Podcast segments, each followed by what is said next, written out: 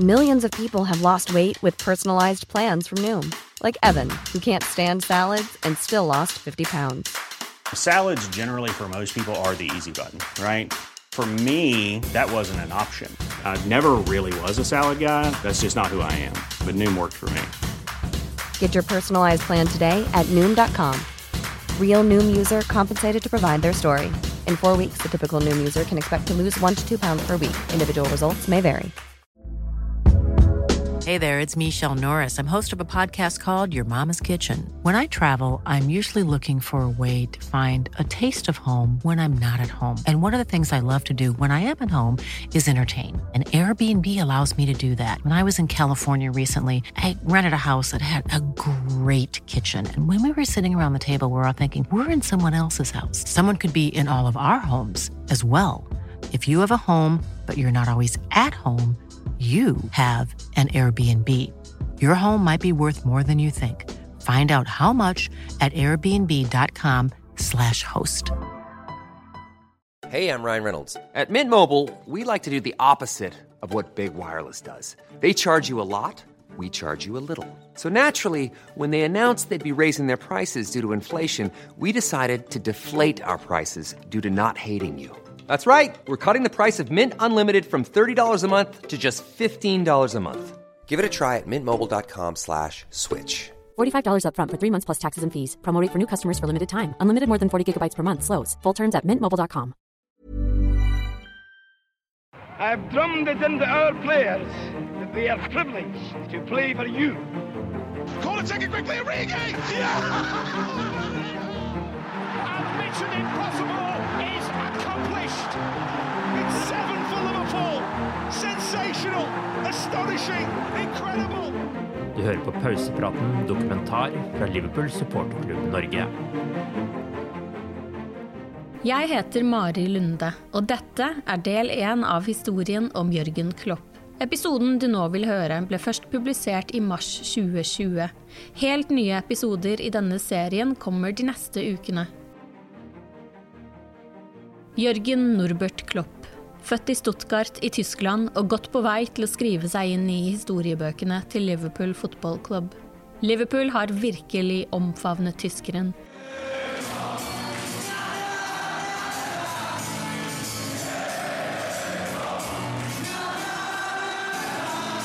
Her jeg sitter og skriver manuset til denne podkasten, kan jeg se rett ut på en svær graffiti av Klopp som er tegnet på en murvegg i Baltic Triangle-området i Liverpool. Maleriet har blitt et yndet fotoobjekt for supportere av et lag hvor manageren er en av de største stjernene.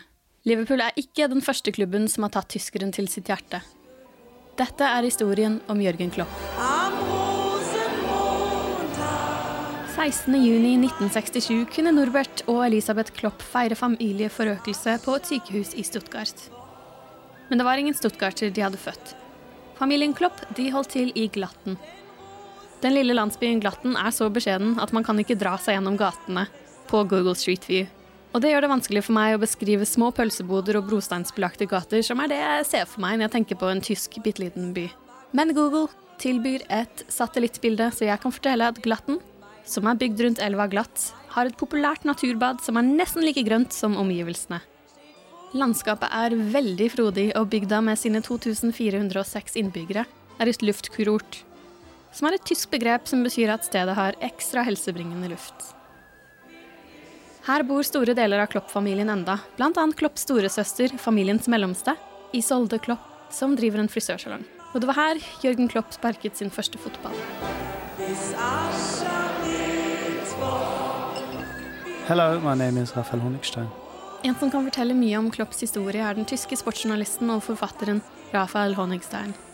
Honigstein flyttet til Storbritannia for å studere jus, men slo seg heller opp som journalist med et fokus på tysk fotball for bl.a. BBC og The Totally Football Show. Jeg møter Honigstein i et stort, stilig rekkehus et sted mellom Kentish Town og Hampstead Heath i London en kjølig fredagskveld i februar. Du kommer til å like dette, sa han og serverte ingefærte fra en Bayern München-kopp. Før vi gikk opp utallige trappetrinn til kontoret hans for en prat om den tidligere Dortmund- og Mainz-manageren. I'm not sure there's much of a difference between the man and manager, and I think that is part of the, the secret, to success. I think a lot of managers, I always feel, are putting on a bit of an act. That you know they go into a room and they think, okay, now I have to project. I'm, I'm the leader. I know what I'm doing. I think with him, he might have been that when he was a bit younger, but I think since then he's just kind of said, I have no time for for these pretenses, and I'm just going to be who I am. And I think you've seen, especially in recent months, how he's totally at peace with himself. And I think that comes from somebody knowing that what he does professionally really works, which I think has a great sort of calming effect on him as a as a person, and that calmness then comes back into the job as well. So there's a kind of a dynamic, positive effect going on, I think. Um, and this is something that people close to me have told me that in recent months he's even become more sort of self assured and really happy with how things are going and happy about the love and respect that he's getting at the club, which I think is on a different level to what it was like at Mainz and, and Dortmund. Honigstein har skrevet boka Bring the Noise, en komplett biografi om den tyske manageren. For selv om Honigstein er Bayern München-supporter, er han svært fascinert og full av beundring for Jørgen Klopp. I arbeidet med boka møtte han menneskene rundt Klopp, familiemedlemmer, tidligere kolleger, trenere og venner. Han snakker blant annet med Adam Lallana, Gini Wijnaldum og Peter Kravitz i Liverpool. Men bokens virkelige styrke er innsikten i Klopps tid i Tyskland. When I wrote this, when I wrote the Klopp book, it um, became quite clear to me that this was a book of two fathers in, in many ways. One was his real father, who had a huge influence on him, and one was uh, his footballing father, his managerial father uh, in Wolfgang Frank. En historie om to fedre. Klopps pappa, Norbert Klopp, og trener og læremester Wolfgang Frank. Da Isolde ble født, la ikke pappa Norbert skjul på at han hadde foretrukket at hun var gutt. Men det hindret han ikke i å presse alle sine personlige sportsambisjoner på datteren. Hun fortalte til Honningstein at som femåring tok faren henne med til fotballbanen for å øve på headinger. Hvis hun posisjonerte seg feil eller løftet armene for høyt, måtte hun løpe en strafferunde rundt banen. Da foreldrene kom hjem med en liten guttunge noen måneder senere, skiftet faren fokuset umiddelbart. Jørgen satte meg fri, forteller Isolde. Det var Jørgen som skulle bli idrettsutøveren Norbert selv alltid hadde drømt om å bli, og faren ble hans personlige trener i både fotball, tennis og på ski. Han var ikke den mest tålmodige personen, så når jeg ikke presterte så godt som han ønsket, ble det ganske ubehagelig. Han var en naturlig trener, en streng en, mer som en sersjant. Det fortalte Jørgen i et intervju med Big Issue.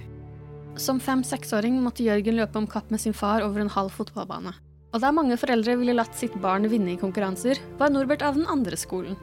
De løp og løp i mange år, helt til Jørgen var raskere enn sin far. Det tok seks år, bare seks år. En av mine styrker som fotballspiller var hurtighet. Han gjorde meg til en rask spiller. Det har også Jørgen sagt.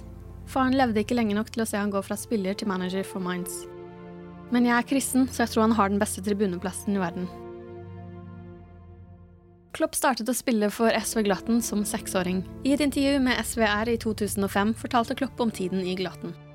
Det var fullstendig idyllisk. Det var bare fem-seks gutter på min alder, og vi var fotballaget, tennislaget og skilaget. Det var herlig, jeg hadde en super barndom. Som 15-åring ble fotballtalentet Jørgen fra Glatten signert av områdets mest kjente lag, TØS Ergensingen. Jørgen Haug, altså. Men Jørgen Haug trengte skyss for å pendle de 60 km mellom Glatten og forstaden til Rottenburg, og det var moren til Jørgen Klopp villig til å stå for. Derfor ble tilbudet også gitt til Jørgen Klopp. Klopp tok kjapt igjen sin navnebror og etablerte seg som kaptein og jevnlig målskårer for klubben. Tre år senere ble han en del av seniorlaget som møtte Bundesligaklubben Eintracht Frankfurt i en treningskamp sommeren 1986. Den tapte de 9-1, men Klopp han sto for trøstemålet. Frankfurt-trener Dietrich Wiese lot seg imponere, og prøvde å hente Klopp til Frankfurt. Men Klopp han takket nei. Han måtte fullføre skolegangen. Et år senere var han uteksaminert og signerte for Eintracht Frankfurts B-lag. Han supplerte en beskjeden inntekt med å jobbe som bartender. I storbyen Frankfurt ble det også mange sene kvelder ute på vift, noe lagkameraten Sven Müller tror har hatt mye å si for Klopps managerkarriere. Han vet akkurat hvordan menn på den alderen er. Du har fortsatt et barn, egentlig, noen ganger må du ha en utblåsning, det må du bare. Og han forstår det, for han var på samme måte. Sa Miller til Honigstein. Det var også i Frankfurt han fikk smaken på trenerkarrieren, da han og en lagkamerat ble trenere for U11-laget. Men det var ingen fremtid for han i Eintracht Frankfurt, og veien gikk videre til Victoria Sindlingen og Rottweiss Frankfurt, før han signerte proffkontrakt med Mainz som 23-åring i 1990.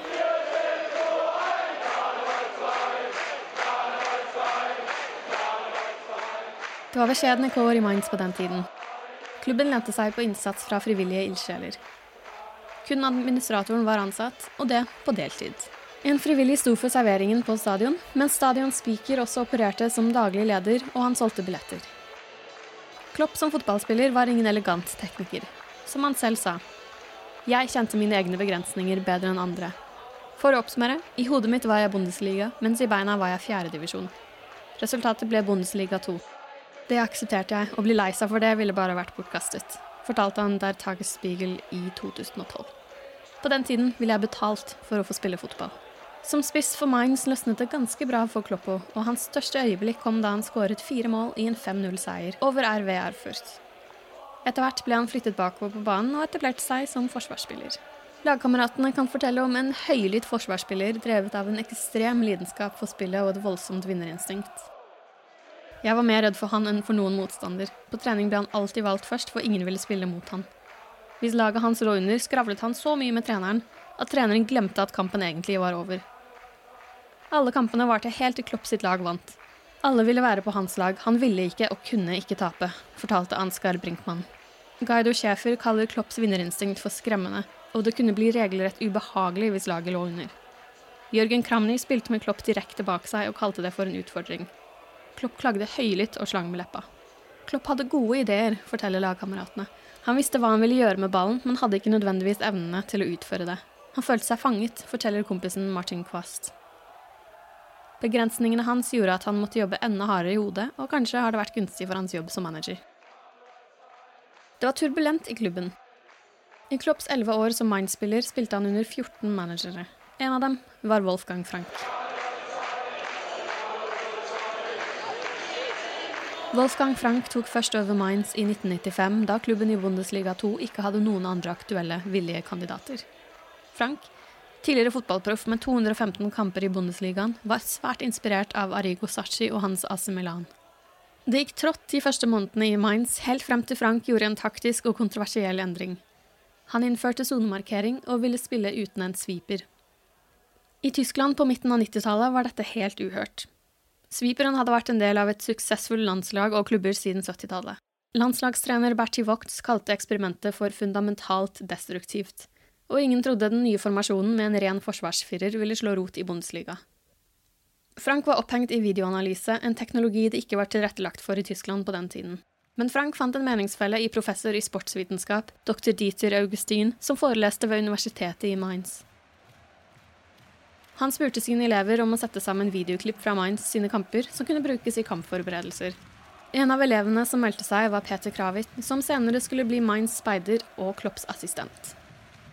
Frank estimerte at det ville ta spillerne 150 timer med teoretisk trening før det nye systemet ville sitte. Så det ble noen timer foran VHS-spilleren på Mainz sitt treningsanlegg. Men det skulle nok bli verdt det.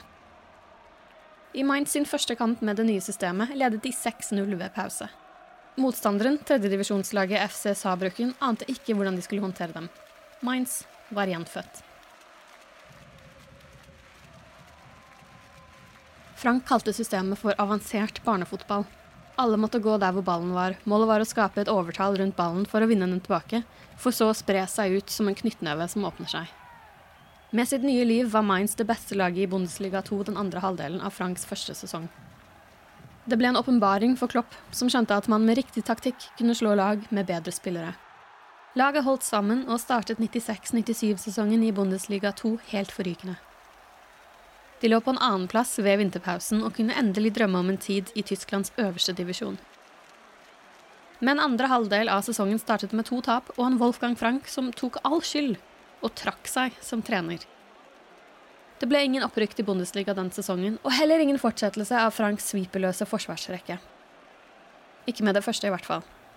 Trenere kom og gikk uten suksess. Det var bare én løsning for å redde Mainz. Overtale Frank til å komme tilbake. Det gjorde han, og han reddet Mainz fra nedrykk bare ett år etter at han først forlot jobben. To gode sesonger i Mainz fulgte, men Wolfgang Frank ble utålmodig. Han tok en jobb i Bundesliga. Å separere Mainz og Wolfgang Frank funket ikke, ikke for noen av partene. Frank ble ingen suksess i Bundesliga, og Mainz byttet trenere oftere enn de vasket trøyer. Spillerne var rett og slett taktisk smartere enn noen av trenerne de kunne ansette. Til slutt var det bare én eneste logisk utvei igjen. Spillerne måtte styre skuta selv. I februar 2001 slo sportsdirektør Christian Heidel på tråden til en av spillerne som hadde tjent klubben lengst, Jørgen Klopp. I boken til Honigstein gjengir Heidel det han husker av samtalen. Jeg sa til han, dere er umulige å trene. Måten vi vil spille på her og oppnå suksess på, er det ingen i Tyskland som forstår. Du og laget forstår det, men det funker ikke med noen av trenerne. Klopp skjønte ikke hvor jeg ville hen, så jeg sa hva tenker du om at vi trener oss selv? Og noen må lede an, og det burde være deg. Det ble stille i den andre enden av røret i tre-fire sekunder, og så sa han god idé, la oss gjøre det.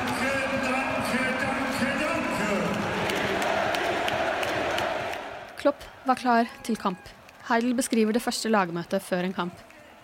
Jeg husker fortsatt stemningen i rommet. Han hadde aldri adressert et lag før. Aldri. Jeg var i litt bedre form på den tiden, litt slankere og hadde noen gitt meg et par fotballsko, hadde jeg løpt ut for å spille mot Duisburg etter den praten. Jeg hadde sett ti-elleve trenere før han, men det var ingenting sammenlignet med dette. De ville gå ut og spille med en gang. Det gikk som det måtte. Mainz vant 1-0 mot Duisburg. Et på papiret overlegent lag, som ikke hadde sjans mot Klopps Wolfgang Frank-inspirerte system. Through Klopp, I think Wolfgang Frank, at last, even though he's, he sadly passed away, received the recognition for his for his work, but it needed the apprentice to kind of fulfill what the master had started, and the master wasn't quite able to do for for many reasons. Og på tribunene elsket de det de så i den ekstremt engasjerte treneren på sidelinjen. Of course, at Mainz he was, I think, a lot more energetic on the touchline, quite wild, you know, shouting at his players, shouting at the referee all the time, getting into scrapes. Um, I think he's calmed down quite a lot. På treningene sto Klopp på en liten bakketopp for å få overblikk. Han hadde ikke vent seg til å følge kamp og trening fra sidelinjen ennå, så han måtte opp i høyden for å få overblikk. Spillerne spilte 11 mot 11, og når Klopp låste i fløyta, måtte de fryse. Stå helt stille der de var. Klopp løp så ned fra bakketoppen og viste hvor avstandene var blitt for store, eller hvordan de burde posisjonere seg. Klopp trengte en assistent i jobben en han kunne betro seg til. Valget var enkelt. Tidligere lagkamerat Psycho Buvac var førstevalg, andrevalg og tredjevalg. De spilte sammen i Mainz i tre år og hadde gitt hverandre en pakt. Den første som fikk en stor trenerjobb, ville hente den andre inn som assistent. Senere kalte Klopp ansettelsen av Buvac som hans beste signering noensinne. I Klopps første hele sesong var Mainz ett poeng unna opprykk til Bundesliga. I Klopps andre hele sesong mistet Mainz opprykk til Bundesliga på målforskjell. Mens på Klopps tredje forsøk gikk det endelig hele veien, til tross for en trøblete sti. Stjernespiss Andrij Voronin hadde forlatt klubben før sesongen da han rett og slett var for god for Bundesliga 2. Fire år senere skulle Voronin signere for Liverpool, og det ble bekreftet at nivået hans nok lå et sted mellom Bundesliga 2 og Premier League. Men nok en gang varte spenningen helt til siste serierunde.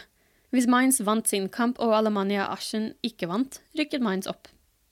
For å fjerne presset fra spillerne hang Klopp opp et svært banner i garderoben, hvor det bare sto ja.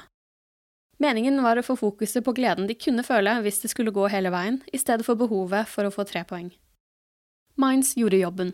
Med bare 54 poeng hadde de den laveste poengsummen noensinne for opprykk til Bundesliga, men det var det få som brydde seg om. Vi er in der erste liga! Det var helt utrolig det Klopp hadde fått ut av laget. Laget besto ikke av stjernespillere, men en samling brukbare spillere.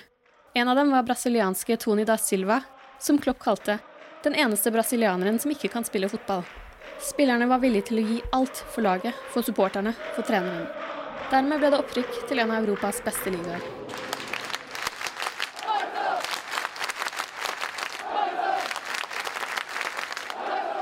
Tre managere uteksaminert fra de lavere ligaene satte kjapt sitt preg på Bundesligaen.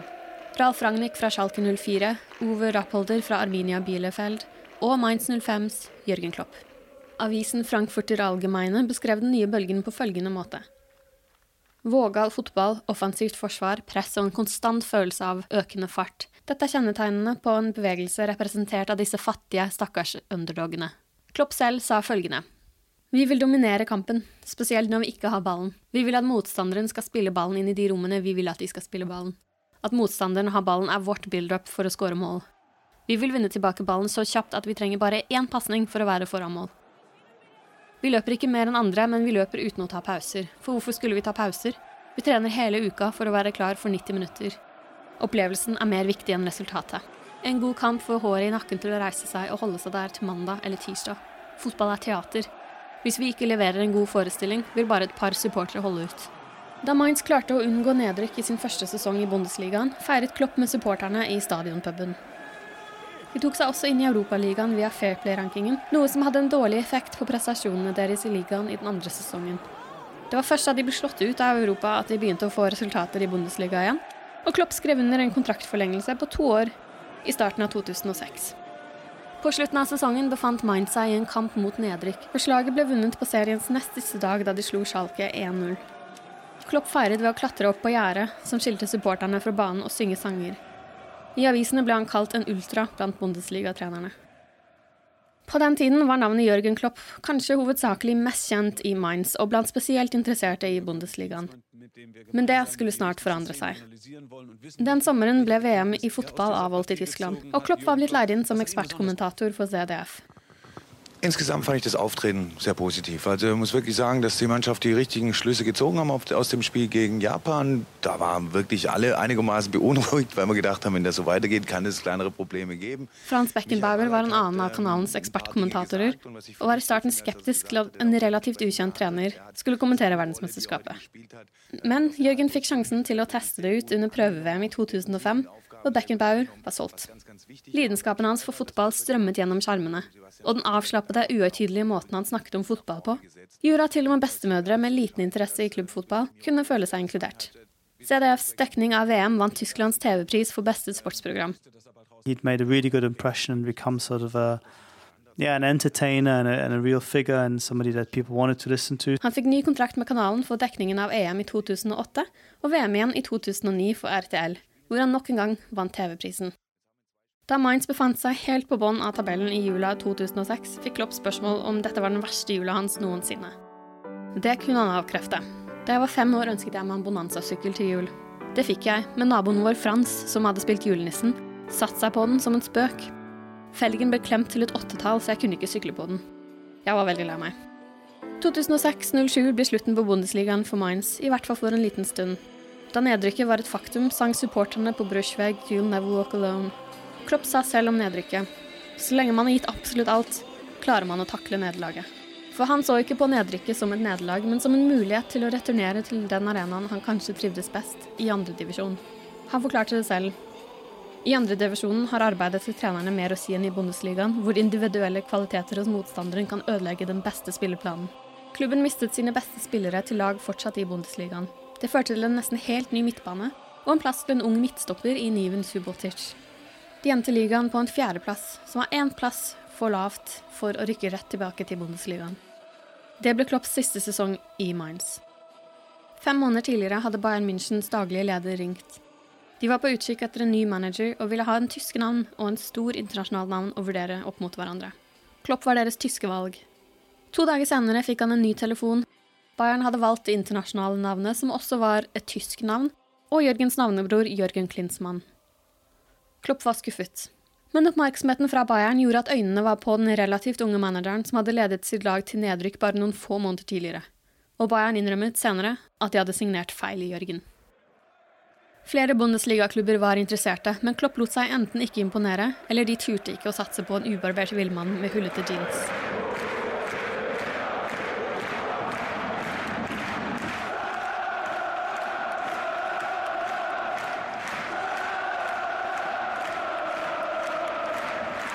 Borussia Dortmund var en klubb uten penger.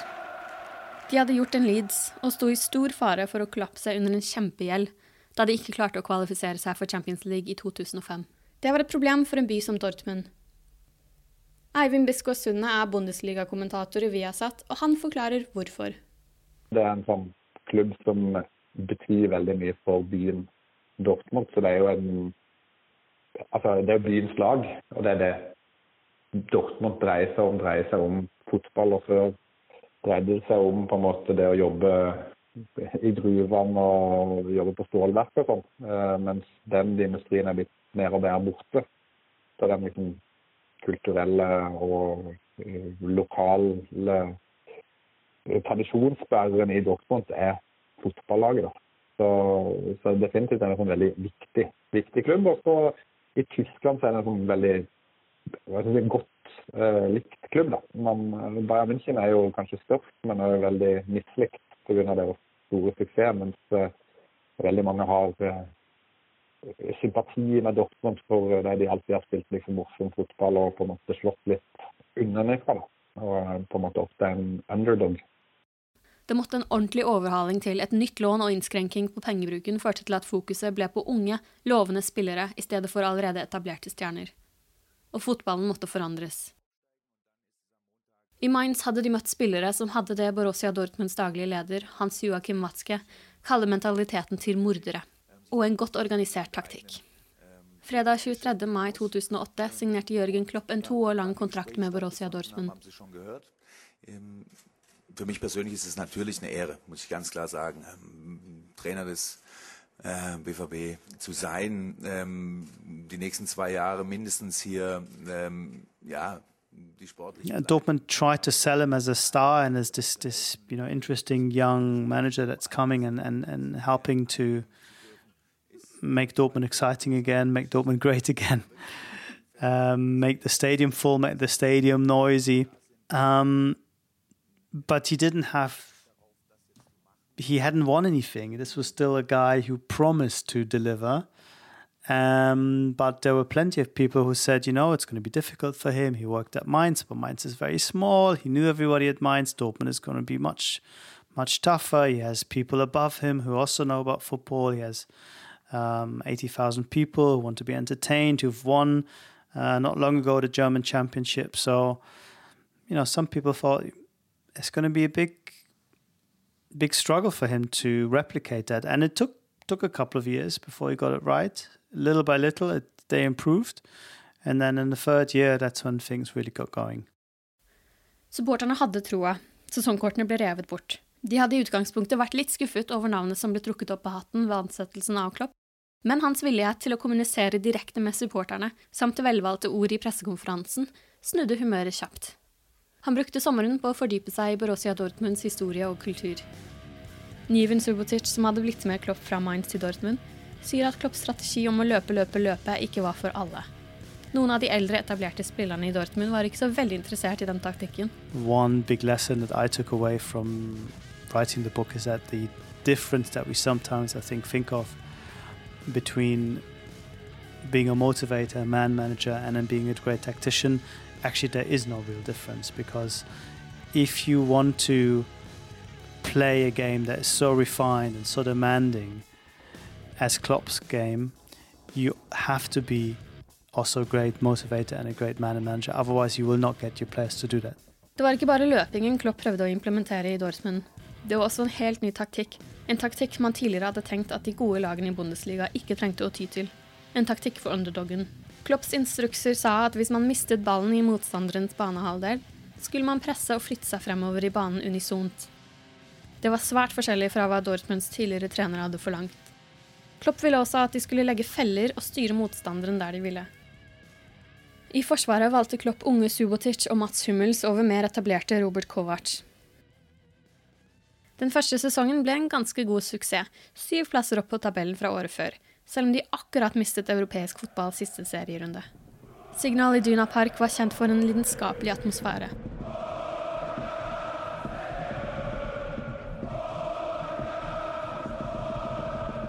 Den gule veggen, Europas største tribune med 25 000 ståplasser, hadde appellert til Klopp.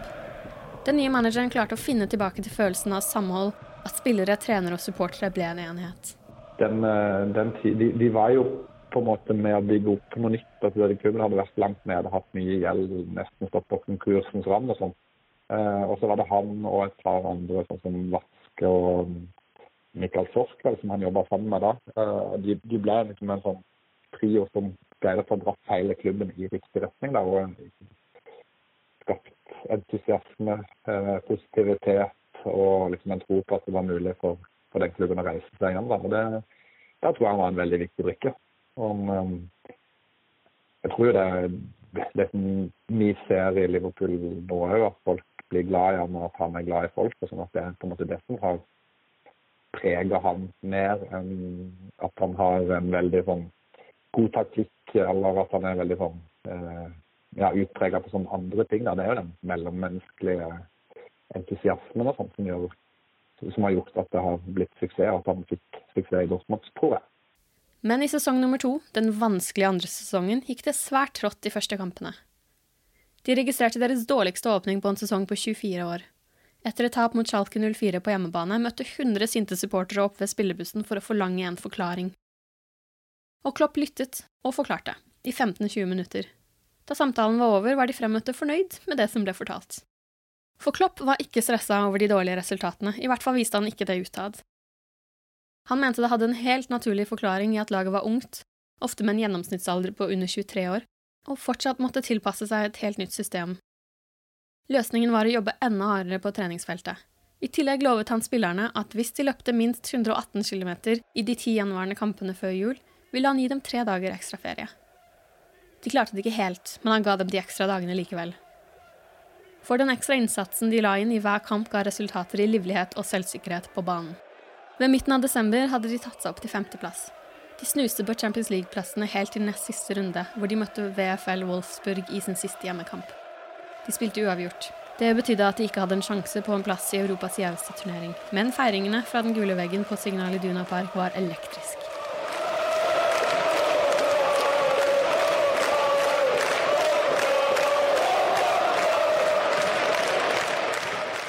Klopp sa han aldri hadde følt på en lignende støtte før. Til tross for at det ikke ble mesterliga, ble det Europaliga for første gang på syv år. Sommeren 2010 gjorde Borussia Dortmund noen genistreker på overgangsmarkedet. De hentet en ung, spennende polakk fra Lech Poznan i Robert Lewandowski. Den samme sommeren kom også Shinji Kagawa og Mario Götze. Etter to fulle sesonger hadde laget tilpasset seg den nye taktikken. I boka til Honigstein forteller Mats Hummels vi sluttet å stille spørsmål. Vi visste akkurat hva treneren ville at vi skulle gjøre, og det var faktisk morsomt å spille på den måten. Nesten avhengighetsskapende. Han sa alltid 'løp som om det ikke var noen morgendag'. Det hadde blitt naturlig for oss. Lagkameratene hadde også blitt akkurat det. Kamerater. Gode venner som kunne henge sammen på fritiden. Treningsuken så nesten alltid lik ut. Mandag var hviledag. Tirsdag var det en gymøkt, sprinter og four-side-kamper. Onsdag var det eleven aside, to halvdeler på ti minutter. Disse kampene var ekstremt utmattende, og Subotic kalte de verre enn vanlige ligakamper, da det ikke var noe pusterom. Torsdag var det skytetrening for alle sammen, inkludert forsvarsspillerne. Og på fredager øvde de på dødballer. Tre måneder inn i sesongen lå Borussia Dortmund på toppen av tabellen, og det gikk opp for dem at dette kan jo faktisk gå. Men Klopp nektet å høre om det. As a, as a journalist, you want to understand kind of the mindset and the feeling of, of the players and of him, and he does everything not to talk about that. He, he wants to be in the moment, he wants to just focus on the next game.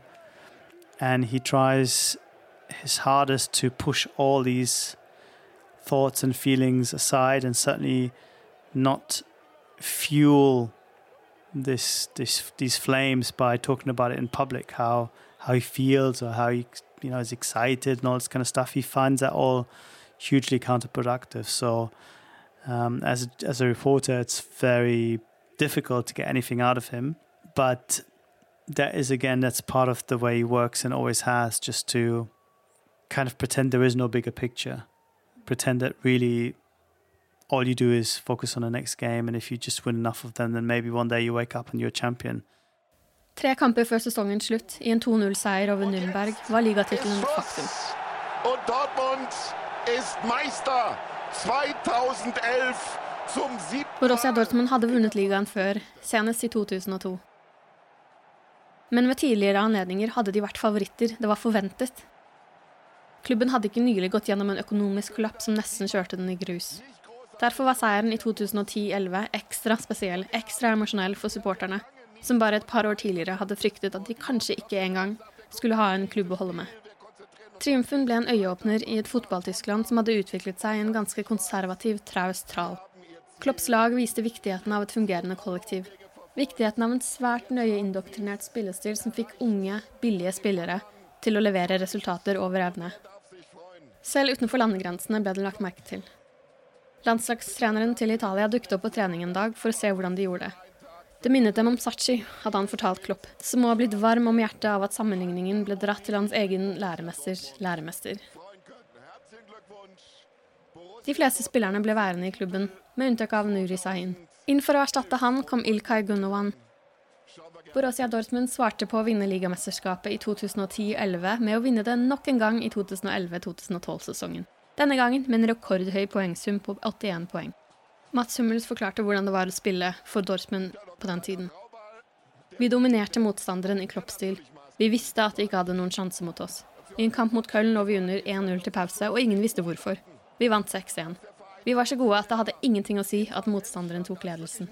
Dortmund vant også cupmesterskapet, hvor de møtte Bayern München i finalen og knuste dem 5-2. Det var første gang på 23 år at de vant cupen. Men utklassingen kunne ikke komme uten en reaksjon fra Bayern. Og den kom kjapt. Bayern knuste egen transferrekord den sommeren. De adopterte deler av spillestilen til Borussia Dortmund og vant Bundesligaen med 91 poeng sesongen etter. Nok en ny poengrekord. De tok også den tyske cupen. Selv endte Dortmund på en andreplass, men det var på den europeiske arenaen det virkelig skjedde for de gule og sorte det året. De vant gruppa si i Champions League og tok seg gjennom runde etter runde. Men det som hadde vært en fest for supporterne, fikk brått en bitter smak i munnen.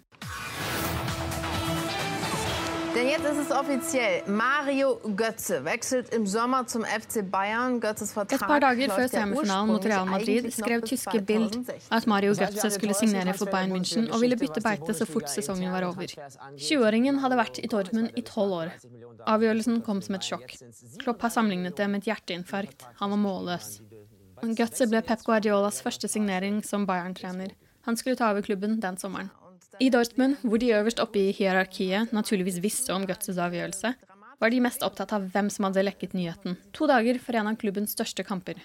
Hvem gjerningspersonen var, skulle man aldri finne ut av, men flere med Dortmund-tilknytning spekulerte i at det var Bayern selv som hadde lekket det. Men overskriftene i Bild var det ingen som brydde seg nevneverdig om i Borussia Dortmund, skulle det vise seg, der de rullet over Real Madrid i en overlegen 4-1-seier. I returoppgjøret vant spanjolene 2-0, men det hjalp lite. Borussia Dortmund var klar for finale i Champions League. Og på motsatt banehalvdel på Wembley i London? Jo, der sto Bayern München. Good evening, Jeff. Good evening, everyone. Yes, we could have had El Clasico. Instead, it's the latest episode of De Clasica. A real domestic rivalry in a continental context before a global audience. En heltysk finale for aller første gang. Før finalen var det en tydelig irritert Jørgen Klopp som uttalte seg til pressen. Vi er ikke et supermarked, men de vil ha spillerne våre fordi de vet at vi ikke kan betale dem de samme lønningene, sa han om den rike rivalen, før han sammenlignet dem med en James Bond-skurk. Men dette var ikke to omganger med fotball som skulle følge et romantisk Hollywood-narrativ hvor underdogen skulle ta rotta på sin rike overmann mot alle odds. Men det var Dortmund som kom best i gang, og kunne ha ledet både 2 og 3-0 tidlig. I stedet var det Bayern som skulle få første nettkjenning, med et Mandzukic-mål ved 60 minutter. Åtte minutter senere utlignet Gundogan fra straffemerket. Men det begynte å gå trått for Dortmund, som ikke kunne matche energien fra Bayern mot sluttminuttene. Og i det 89. minutt satte vinnermålet fra Arjen Robben. Det var et surt tap, da Dortmund mente at en Bayern-spiller skulle ha vært utvist. Men mer enn noe annet var det en stolt manager og stolte supportere som klappet spillerne av banen. The weather was good, everything is okay, only the result is so shit that I can uh... En ny sesong sto for tur, denne gangen uten Mario Götze, og med mye styr rundt kontrakten til Lewandowski, en annen spiller Bayern hadde på handlelisten. Lewandowskis kontrakt gikk ut sommeren 2014, men sommeren 2013 klarte ikke Bayern å komme med et akseptabelt bud, og overgangssagaen tok en pause. Bayern hadde fullført sesongen 25 poeng foran Borussia Dortmund, som med andre ord hadde et lite fjell å bestige i 2013-14-sesongen. Det klarte de ikke. Til tross for at Lewandowski var helt uberørt av overgangskaoset og skåret 20 mål den sesongen. Skadeproblemer preget starten på sesongen. Det ble ekstra surt da Bayern München kom på besøk og vant 3-0. Åpningsmålet? Det kom fra Mario Götze. På treningsfeltet begynte det å surne, med konfrontasjoner og eldre spillere som ikke lenger hadde så veldig lyst til å bare løpe, løpe, løpe. Men ingenting lekket til media. Alle uenigheter ble bak lukkede dører. Problemer og tvister ble løst, før noe gikk for langt. Klopp beholdt også et godt forhold til supporterne. Da supporterklubben ville samle inn penger for produksjonen av en film om klubbens grunnlegger, ble Klopp spurt om han kunne donere en av baseballcapsene sine. Det nektet han. For Klopp kunne tilby mye bedre. Han ga supporterklubben muligheten til å auksjonere bort seg selv. Og slik ble 20 000 euro betalt av et av de største selskapene i Tyskland for en signeringsdag med Jørgen Klopp. Etter vinterpausen returnerte Mats Hummels etter et lengre skadeavbrekk og hadde en umiddelbar innvirkning på de gule og sorte, som ble langt mer stabile i forsvar. Sesongen endte med en andreplass, 19 poeng bak Bayern. De tok seg også til kvartfinalen i Champions League, hvor Real Madrid denne gangen fikk sin revansj. Og Dortmund kom til finalen i cupen, DFB-pokal, nok en gang. Det ble en finale Dortmund skulle ha vunnet etter at en Hummels heading hadde gått langt over mållinja, men det var ingen mållinjeteknologi, og dommeren vinket spillet videre. Bayern München skåret to mål i ekstraomgangene. 2013-2014 ble altså en sesong de kunne gå ut av med hodet høyt hevet.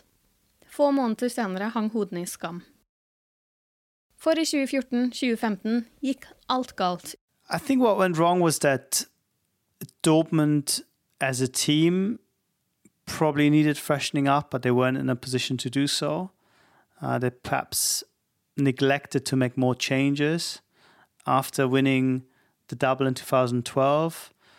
Um, I think that everyone thought that the team is still young enough and, and, and, and good enough to co- keep competing, but ultimately losing key players every single year and trying to replace them, I think made it very difficult to, to keep going at that point.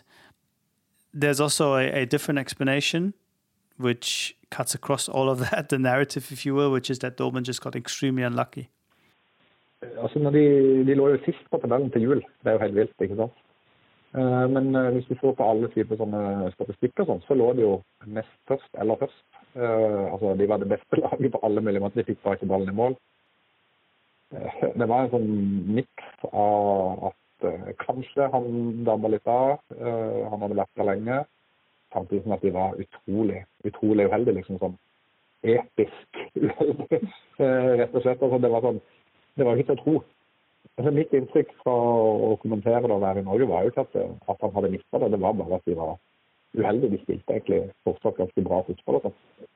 Um, på den andre sida så kan du jo si at den perioden der når Pep kom inn uh, i uh, Det var vel den første året til.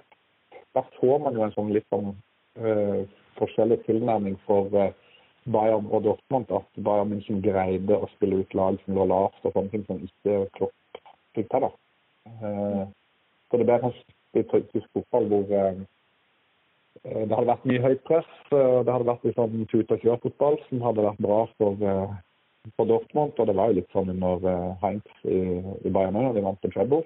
Uh, Men det ble annerledes det året da når Pep kom inn. Og, og, det så man jo at den akkurat det hadde ikke eh, Klopp eh, helt kontroll på. da. Ingen Dortmund-lag hadde startet en sesong dårligere. Da sesongen var halvspilt, hadde Dortmund 15 poeng og lå på 17. plass i ligaen. Nedrykksplass. Vi vokste fortere på banen enn finansielt, forklarer Peter Kravitz. Unge spillere, kjøpt billig, ble gjort til stjerner under Jørgen Klopp. Og verdien på spillerne steg så høyt at Dortmund ikke kunne holde på dem lenger. Det gjorde det umulig for klubben å forbedre seg. Klopp tok det hardt, personlig. Den morsomme karakteren som ble vist i media tidligere, var borte. Det kunne ikke bli verre, og det var kanskje en liten velsignelse for laget. Men jo da, det kunne bli litt verre. For to kamper inn i andre halvdel av sesongen lå de på en begredelig 18.-plass, altså helt på bunnen av tabellen. Men så kom fem strake seire og et kjempehopp opp på tabellen. Men gleden skulle være kortvarig. De ble slått ut av Champions League av Juventus i et 3-0-tap, hvor en avis kalte fotballen Dortmund spilte for usynlig. because things didn't quite work out so well in that last season, Klopp felt a little bit undermined and felt questioned and didn't appreciate that he didn't have the total backing of the club anymore and then I think reacted quite emotionally, which then caused a reaction on the other side. And I think everybody kind of realized, you know, after those seven years, mostly amazing years, it was probably a good time to to do something different. And Klopp himself understood the dynamics of it. He said, you know what, what I think we actually either have to change half the team, or we don't have the money to do it, or you have to change the manager, which in case that's actually me. So I'm thinking I probably have to go. Uh, he got to that point kind of hit by himself. Noe måtte endre seg. Enten måtte laget ha en fullstendig overhaling, eller så måtte treneren gå. Med Dortmunds finansielle handikap var det bare én løsning. Det var bare ingen som hadde hjerte til å si det, så Klopp måtte si det selv. En pressekonferanse ble holdt 15.4.2015 hvor det ble gjort offentlig. Klopp var ferdig i Dortmund ved endt sesong. Et hode måtte rulle, og det ble mitt, sa Klopp. I Dortmund var både spillere og supportere sjokkerte. Men det ga laget et løft som ønsket å gi manageren, som hadde blitt så mye mer enn bare treneren deres, en hyggelig avskjed. Det ble 13 poeng på sesongens siste seks kamper, og de klarte å presse til seg en europaligaplass som syvende laget på tabellen. På hans siste hjemmekamp ble et svært banner med 'Tusen takk, Jørgen' brettet utover den gule veggen, og en videohilsen fra Klopp ble spilt på storskjerm. Han stolte ikke på at han klarte å si ordene selv uten å bryte sammen. Vielen, vielen Dank für alles wir sehen uns ganz bestimmt.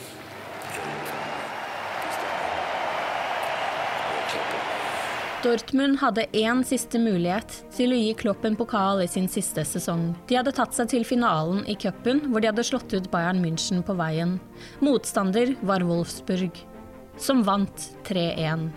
Spillerne skammet seg, supporterne var skuffet, men på banketten etter kampen sa Klopp å vinne i dag hadde vært altfor amerikansk. I del to. Brendan Rodgers has left Liverpool. Selvfølgelig skulle det bli Liverpool og Jørgen Klopp. To see just how little he got out of the crowd. Kampen ble et nøkkeløyeblikk for Klopps tid på Merseyside. There was just no doubt in my mind that Liverpool were going to win. Så hvordan ser fremtiden ut? Du hører på pausepraten dokumentar fra Liverpool supporterklubb Norge. Liverpool Football Club have parted company with manager Brendan Rodgers. Brendan Rodgers has left Liverpool. Brendan Rodgers is no longer the Liverpool manager. Den a 4. oktober that there was gonna be 2015 var Brendan Rodgers ferdig i Liverpool. Etter litt over tre sesonger var nordirens eventyr på Merseyside over. Noen timer tidligere hadde det 225. Merseyside-derbyet endt 1-1 på Goodison Park. Og det var en helt uvitende Brendan Rodgers som uttalte seg til pressen etter kampen. I've never felt anything other than, than secure. I was brought in here to do a job. I signed a new deal. I think the owners, as much as anyone, know. Kort tid etterpå fikk han beskjed om å pakke sammen sakene sine og takke for seg. Halvannet år tidligere hadde Jørgen Klopp slitt med et dilemma. Våren 2014 gikk det mot slutten for David Moyes i Manchester United. Manchester United ønsket Jørgen Klopp. Ed Woodward møtte med Klopp og la fram et svært lukrativt tilbud. Woodward hadde prøvd å selge Old Trafford som Disneyland for voksne. Men Klopp var ikke helt overbevist. Han hadde nylig forlenget kontrakten med Borussia Dortmund til å vare helt til 2018, og han følte ikke at jobben hans på Signal Iduna Park var helt over enda. Da Moyes omsider fikk sparken den 22. april 2014, var spekulasjonene rundt Jørgen Klopp til Manchester United så store at han måtte komme med en offisiell uttalelse via The Guardian. Manchester United is a great club and I feel very familiar with the wonderful fans, but my commitment to Borussia Dortmund and the people is unbreakable. Noen måneder senere var det Manchester City som slo på tråden. Og så Tottenham. Båndet mellom Klopp og Borussia Dortmund var visst ikke uknuselig likevel, skulle det vise seg. Våren 2015 bestemte de seg for at det beste var å gå hvert til sitt. At neste stopp skulle bli England, var det få som lot seg overraske over. I boka Bring the Noise av Rafael Honigstein forteller Borussia Dortmunds daglige leder dette. For meg var det tydelig at han ikke ville gå til noen andre klubber i Tyskland etter Borussia. Det kunne han bare ikke. Han sa alltid at han ikke hadde lært seg engelsk, men jeg er ganske sikker på at han hadde øvd litt. Det merket jeg. For meg var det åpenbart at han ville gå til Premier League. Det var hans spill. I et intervju med The Guardian i 2013 hadde Klopp snakket om sin kjærlighet for engelsk fotball. Jeg liker det vi i Tyskland kaller engelsk fotball. En regnfull dag, tung bane, alle er skitne i fjeset, og så drar alle hjem og kan ikke spille igjen de neste fire ukene. Omsider kom det en telefon til Klopps agent som var av interesse. På andre siden av røret var Ian Air, den gang Liverpools daglige leder. Christian Heidel var sportsdirektør i Mainz da Klopp spilte og trente klubben. Han forteller at det var ingen andre klubber som kunne ha fristet Klopp på den tiden. Han hadde alltid vært keen på Liverpool. Han var gira på den emosjonelle dimensjonen ved jobben. Jeg tror ikke han kunne gått til en klubb som Manchester City eller lignende, selv om de virkelig ville ha han.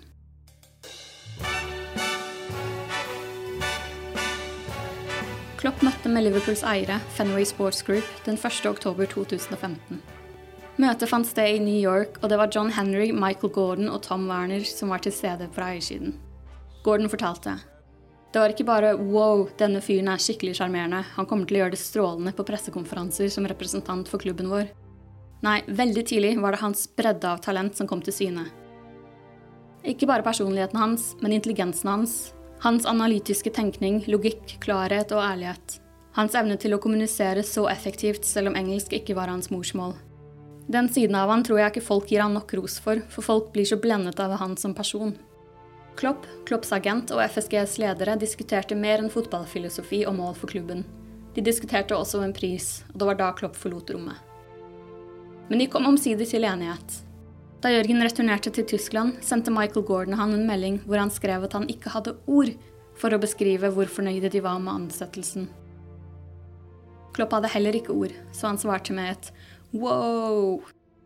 35 000 Liverpool-supportere fulgte et privatfly fra Tyskland til John Lennon Airport på Flight Radar.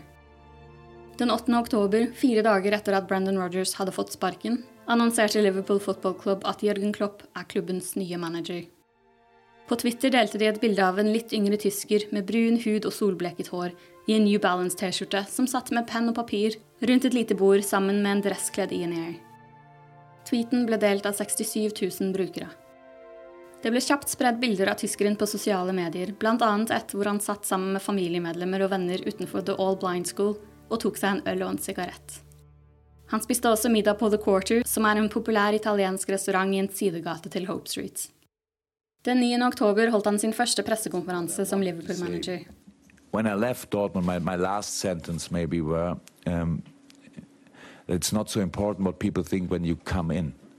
It's much more important what people think when you leave. And please give us the time to work on it, that you think much more positive than today about me and all the, the people at LFC. If we want, this could be a real special day. If we want. And if you are prepared to work Hans første intervju med LFC TV ble avsluttet med følgende sitat. Okay, just finally then. what is your message to those Liverpool supporters? The message to those Liverpool supporters we have to change from doubter to believer. Now. Fra tvilende til troende. Han ville at supporterne, som hadde mistet litt troa på fotballaget, skulle få den tilbake. Det er lett å være etterpåklok, men fire og et halvt år senere kan vi vel påstå at han har klart den biten ganske greit. Selvfølgelig skulle det bli Liverpool og Jørgen Klopp. Og ikke bare fordi Liverpool er den tredje klubben hans som synger You'll Never Walk Alone før avspark. Det finnes neppe en bedre match. En klubb og en manager som bærer følelsene på utsiden av kroppen. Rafael Honigstein er en tysk forfatter og journalist som har skrevet Jørgen Klopp-biografien 'Bring the Noise'. the nature of the job, I think, was very, very similar to that of um, Mainz and Dortmund. Uh, now, when I initially said that to people, they kind of they're laughing. You know, like how can you compare Liverpool, uh, especially with 30 years of not winning the league, to to Mainz and Dortmund? But in a wider, uh, you know, in a wider sense, I think that it was quite similar. You you had clubs who were underachieving you had clubs who perhaps didn't know themselves just how much energy and power they could create if things were to to move differently. If they had somebody that they could fall behind, uh, who would lead the line and who would sort of instill mm, a sense of momentum and a sense of progress. That it needed a guy to kind of shake everything up and, and wake everyone up and and have some good ideas that would help everybody do better and, and be successful again. And, and Klopp did all these things. So, um, uh, and perhaps most importantly, I think he understood the whole emotional dimension of football because he had, from the very get go, made it a integral part of his coaching. Mainz had no money. What they had was a small stadium and a Jurgen Klopp who made it fun and entertaining um, and captivating to go and see this team play because they needed that a little bit extra. And in that case, that little bit extra came from, or one of the bits that were extra came from the way the crowd responded and, and made it sort of a, a party atmosphere at every single game. Dortmund slightly different, but again, energizing the crowd, using using the crowd, and of course, he famously said in his first face-to-face interview with FSG that he wanted to activate the crowd. That he felt he would that was his big, big task for getting this Liverpool job right. So, having worked with people and with sort of mass emotions and, and, and tasted the power and, and understood the dynamics of how that can work to your benefit as a team, I think made him the perfect candidate. Uh, and he had he had the relevant experience for this particular job. Klopp kom til Liverpool da Liverpool allerede var to måneder inn i sesongen. Det var en liten ulempe, da Klopps fotballfilosofi kunne hatt godt av litt tid til å slå ordentlig rot i spillernes hoder og holdninger. Forsvarsspillerne for eksempel, hadde lenge blitt latterliggjort av både kommentatorer og supportere av andre lag.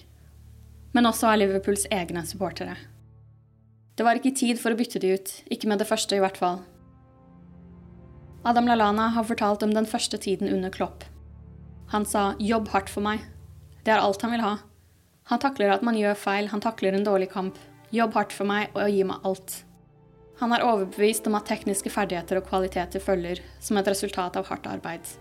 He needed to learn. I think he needed to adjust. I think he needed to understand why certain things that he knew that worked in Germany couldn't quite be adapted for for whatever reason here. I think he had to one of the examples he always talks about is he had to learn that the training couldn't really be very intense here because of the amount of games that uh, players were playing, because also no winter break. So I think he had to really change the way he trained.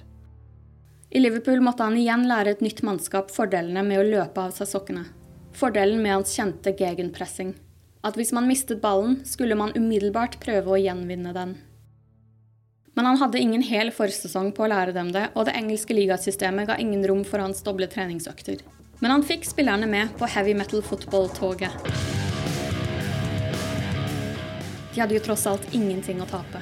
Det var en grunn til at ting hadde gått litt trått de siste årene, og spillergruppen var klar for å ta på seg en ny oppgave, en ny spillestil. Lalana forteller. Det er mentalt veldig krevende, men når du har ti andre gutter som holder på med det samme, er det enkelt. Du nyter å føle den smerten fordi alle andre føler den. Du vil ikke gi opp, du vil fortsette for kompisen din. Han har det vondt, du har det vondt, men det går bra. Det er det manageren liker, det er sånn han er. Noen ganger jubler han like mye for en takling som for et mål. Fordi han vet at det gjør vondt. På Liverpools treningsanlegg Melwood jobber det rundt 80 ansatte. Og Klopp lærte seg navnet på samtlige.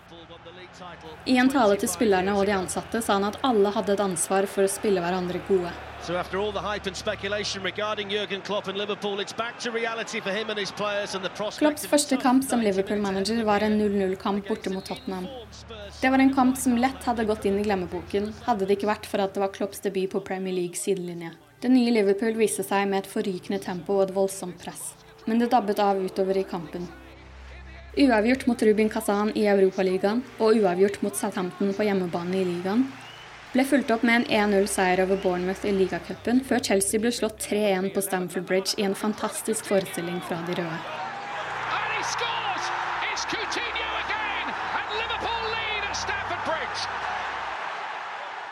De var best i alt i oppgjøret mot den regjerende ligamesteren. Etter kampen fikk han følgende spørsmål.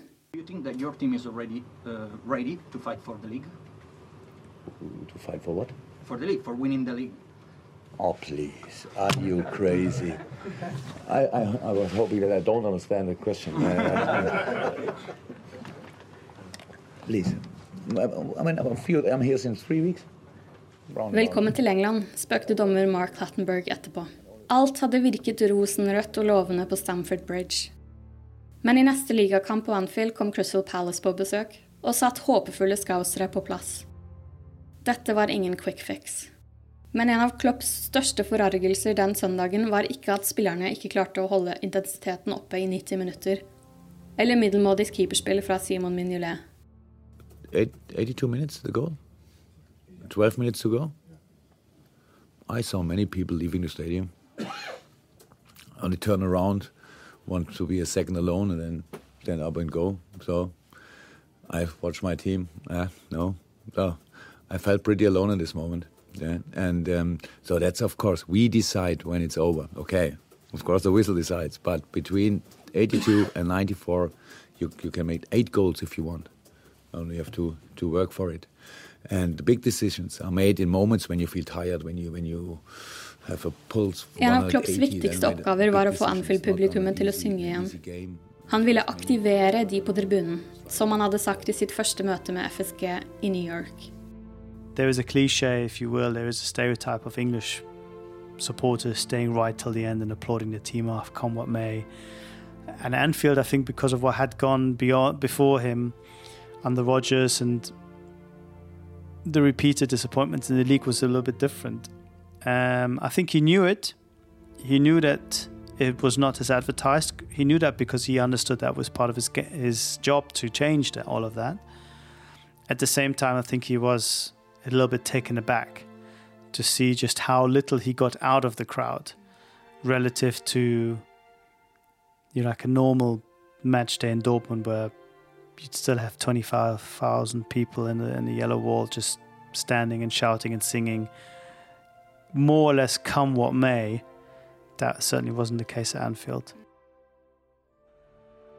For supporterne hadde skuffelser og middelmådighet nærmest blitt normalen, og mye av gleden ved å dra på kamp var borte.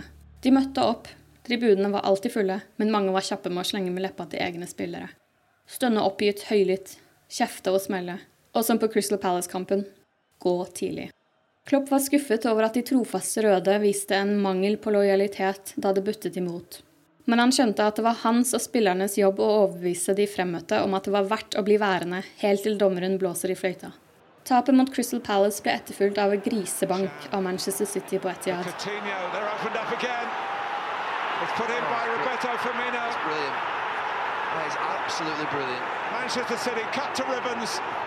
Hvor Liverpool vant 4-1 i en nærmest perfekt forestilling.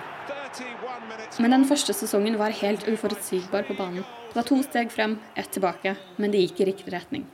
Noen måneder senere tok Liverpool seg til finalen i ligacupen på Wembley. Motstander var Manchester City. Kampen endte 1-1, men det var de blå som var best fra straffemarket den gangen. Det ble det første av flere trofeer som skulle glippe ut av Klopps hender på engelsk jord. Volumet på Anfield steg sakte, men sikkert i løpet av Klopps første sesong. Da Liverpool berget uavgjort mot West Bromwich i siste liten i midten av desember, tok Klopp spillerne frem til The Cop for å takke for støtten. Det har blitt omtalt som en feiring, og ble årsak til mye latter fra motstandernes supportere, som et bevis på how the mighty have fallen, som gikk til slike steg for å feire en uavgjort mot West Bromwich. Noen måneder senere var Anfield i fyr og flamme. Det var torsdag kveld, flomlysene lyste opp matta, og på The Cop veivet flagg og skjerf og bannere. Det ble sunget så høyt, lidenskapelig og hemningsløst. The Cop mente alvor, og de 22 spillerne som kom ut fra spillertunnelen og inn på banen, kjente det inn i ryggmargen. For de elleve i rødt var det gode nyheter. For de tilreisende i hvitt for anledningen litt verre. Det var åttendedelsfinalen i Europaligaen, og Louis van Aals Manchester United skulle få kjenne på den kjente Anfield-atmosfæren.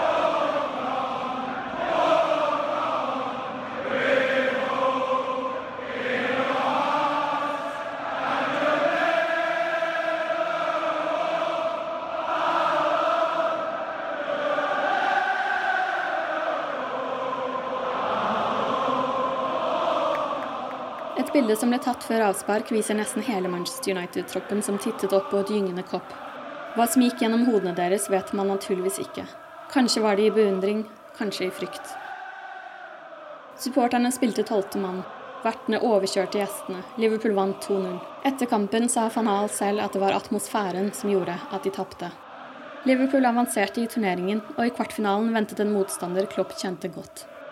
Veldig godt. Borussia Dortmund. Klopp var neppe veldig preget av den spesielle anledningen. I første runde ble kampen spilt på Signal Iduna Park, hvor supporterne av begge lag leverte en vakker versjon av You'll Never Walk Alone. I boka til Honigstein sier Hans Joachim Watze at Dortmund-spillerne syntes det var vanskelig å se Klopp sitte i motstanderens dugout. Han hadde advart spillerne om at dette ikke var noen Jørgen Klopp-festival. I en vanlig kamp hadde vi slått dem, men dette var ingen vanlig kamp. Kampen endte 1-1, og det var et godt utgangspunkt for Liverpool, som fikk med seg et bortemål. To uker senere var det Dortmund som måtte komme til Anfield. Og for en uforglemmelig fotballkamp det ble.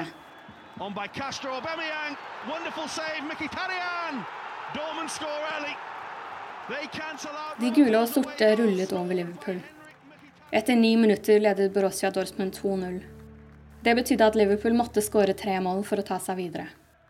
I pausen hadde Klopp minnet spillerne sine om Liverpools mirakelseier i Champions League-finalen i 2005. Han hadde sagt at de måtte skape et øyeblikk de kunne fortelle barnebarna sine om.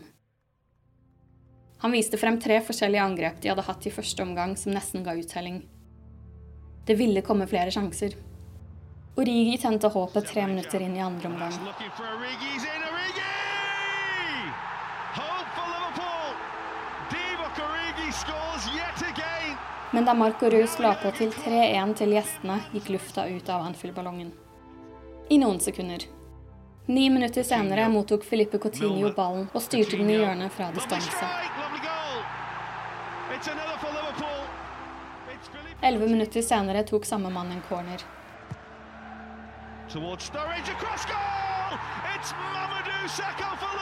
Ballen traff hodet til Mamadou Sako, som styrte den i mål fra kloss hold. Klopps kjeve må nesten ha gått ut av ledd. På Anfield var de tvilende definitivt blitt til de troende. Det var 3-3 og 13 minutter igjen av ordinær tid. Hvis resultatet skulle stå seg, var det Klopps gamle arbeidsgiver som ville avansere i turneringen på bortemål. Men det var ingen med røde sympatier som trodde dette var over enda. De tilreisende supporterne derimot ble mer og mer selvsikre. Feiringen ble høyere og høyere, og da kampen gikk inn i tilleggstiden, var mange trøyer revet av. Det skulle de angre på. For samtidig som de slo på tromma og hoppet opp og ned, fikk James Milner lagt et innlegg som fløy over de gullkledde og fant panna til Dejan Lovren, som stanget ballen i mål.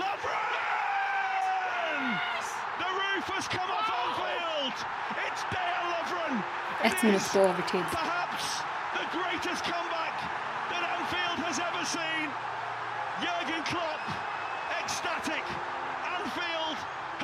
Anfield eksploderte. Selv noen av rullestolbrukerne på første rad spratt opp på beina. Supporterklubbens Einar Kvande spurte i starten av kampreferatet var dette tidenes fotballkamp på Anfield. Det var kanskje det, i hvert fall i tre år til. En slukøret Thomas Tuschel, Borussia Dortmunds manager, klarte ikke å forklare hva som hadde skjedd. Jeg kan ikke forklare det, for det er ingen logiske forklaringer. Følelsene seiret på dagen. Klopp tok Liverpool helt til finalen, og på veien signerte han en kontraktforlengelse til 2022. I finalen i Basel var det Sevilla som sto på motsatt banehalvdel. Det ble Klopps andre finaletap i sin første sesong i Liverpool. Liverpool fullførte Klopps første sesong på en åttendeplass. Neste sesong ble nok en gang uten Champions League-fotball, og til og med uten Europaligaen. Men Klopp hadde tatt laget til to finaler. Han hadde fått The Cop til å synge igjen. Supporterne til å glede seg til å dra på kamp. Og endelig fikk han en hel sommer på seg til å drive forberedelser til neste sesong. I tillegg til drilling på taktikk ble det også litt action på overgangsmarkedet. Inn kom Gini Wijnaldum, Joel Matip, Ragnar Klavan, Sadio Mané og Loris Karius. Det ble også gjort andre endringer. Maten spillerne hadde fått servert den første sesongen, var langt under middels, skal man tro James Milner og det han svarte i boka Ask a Footballer. Den var så dårlig at flere av spillerne ikke spiste. Da de tok det opp med Klopp og støtteapparatet, var de enige i at det var bedre å spise noe enn ingenting. Så mat fra kyllingrestauranten Nandos ble kjørt inn hver kampdag. Men slik kunne det ikke fortsette. Den sommeren hentet klubben ernæringsfysiolog Mona Nemmer, som fikk orden på maten som ble servert. Andreas Kornmeier ble med Mona fra Bayern München. Han er sjef for den fysiske treningen. Den preseason fikk man en smakebit på hva som skulle komme i ligaen. Liverpool slo Barcelona 4-0 i en treningskamp, før de tapte 4-0 mot Klopps gamle klubb Mainz. Ligaen startet lignende ved at de vant 4-3 i en berg-og-dal-bane av en fotballkamp borte mot Arsenal, bare for å tape 2-0 mot Burnley neste runde. Verken Manchester City, Manchester United, Arsenal, Chelsea eller Tottenham klarte å slå dem den sesongen. Liverpool gikk fra maktdemonstrasjoner til sure uavgjorte resultater og pinlige tap, som mot f.eks. Bournemouth.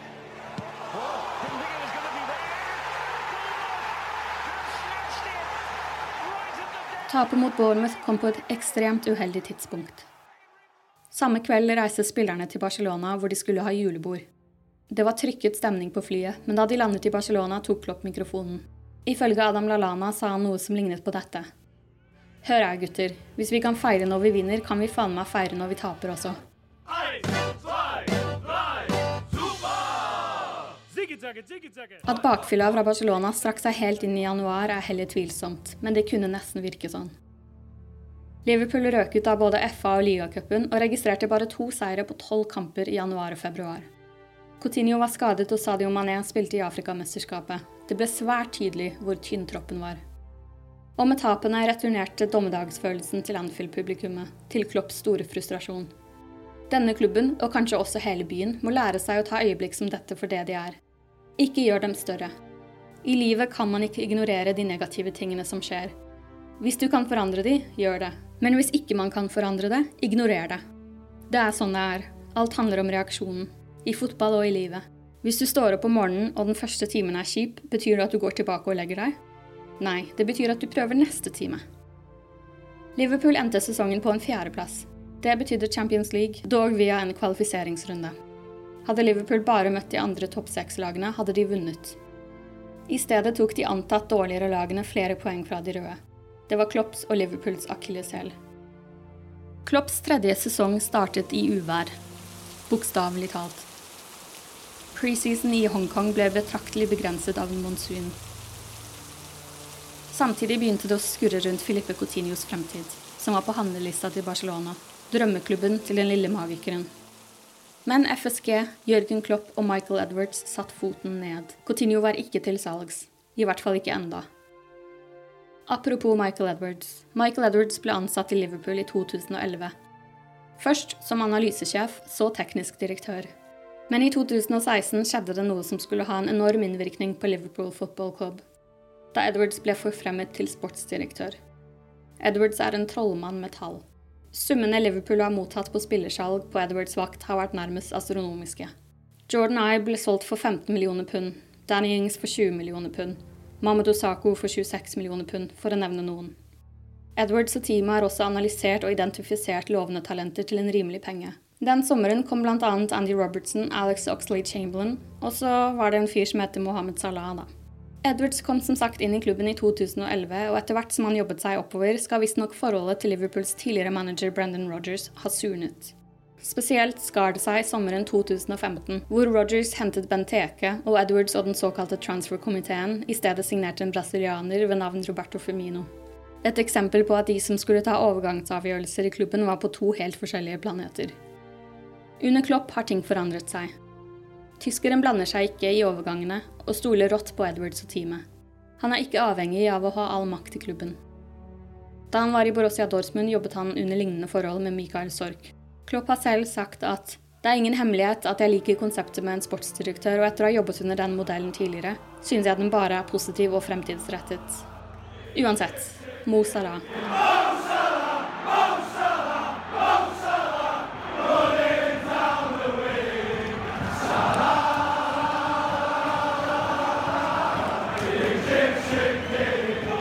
Trenerteamet visste at han var rask, men ikke hvor rask han var før han var på plass den sommeren.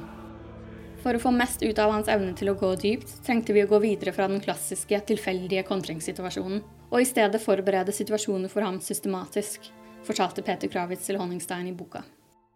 Klopp hadde fått Liverpool-supportere til å glede seg til kamp hver helg. I slutten av august, starten på den nye sesongen, var de utsolgt for drakter. Den siste kampen i august var en 4-0 grusing av Arsenal på Anfield. Men helgen etter var det Liverpool som fikk kjenne på det da de ble knust 5-0 på Etiad.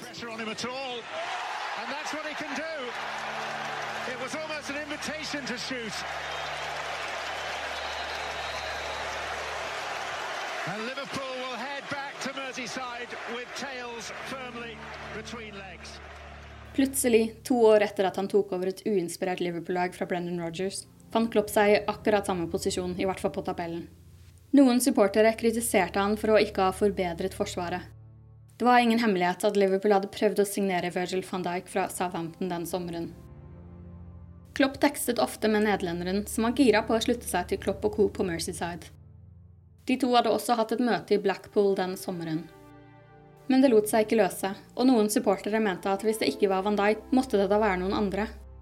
Hvis en spiller for 40 millioner pund ikke gir deg en merkbar forbedring, hvis vi ikke ser hvordan han skal løfte oss opp til et nytt nivå, ville ikke Jørgen signere han.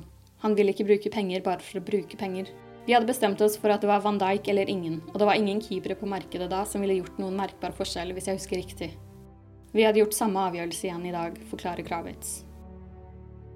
Klopp måtte smake på nok et sviende nederlag og tåle sterkt kritiske røster da Liverpool fikk bank av Tottenham på Wembley i oktober. Med 4-1 i bagasjen var det spesielt Dejan Lovren som fikk gjennomgå av supporterne, etter å ha spilt rundingsbøye for Harry Kane. Lovren ble ofret tidlig. Klopp fjernet han fra videre ydmykelse etter bare en halvtime. Til Dieko forklarte Klopp det som virket som en ekstremt brutal avgjørelse. Han var ikke god den dagen, det er sant, men etter kampen sa jeg at jeg kunne byttet fem eller seks spillere, minst, i det øyeblikket. Men vi bestemte oss for Dejan. Det var ikke et lett øyeblikk i fotballverden å gjøre noe sånt som dette foran alle sammen, før pause. Det skaper en story, men han har respondert fantastisk, så alt er bra.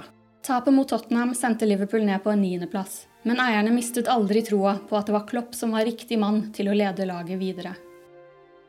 Michael Gordon sa Følte jeg noen gang at det ikke funket med Jørgen? Aldri. Ikke en eneste gang. Ikke i ett sekund. Seriøst. Siden første gang jeg pratet med han, har jeg aldri tvilt på at han er den perfekte manageren og den perfekte mannen til å lede denne klubben. Tottenham-kampen ble et nøkkeløyeblikk for Klopps tid på Mercyside. Aldri igjen skulle Liverpools spillere se ut som de halvsov på banen, ikke på Jørgens vakt.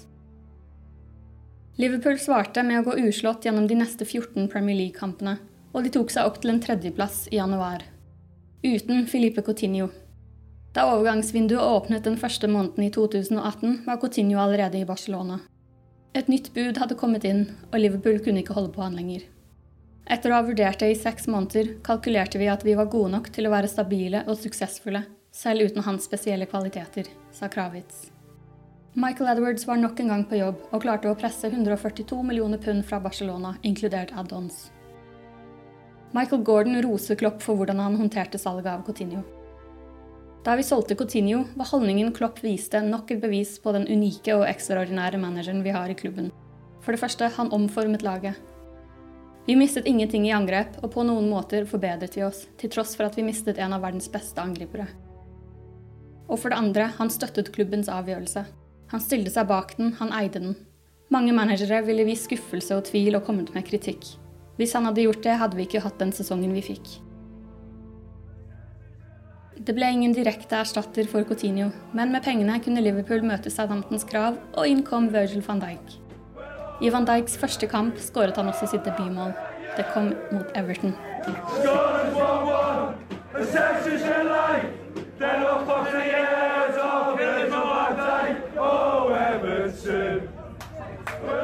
I Champions League rullet et Coutinho-løs Liverpool over Porto i åttendelsfinalen. Før Manchester City fikk smake pisken i kvartfinalen.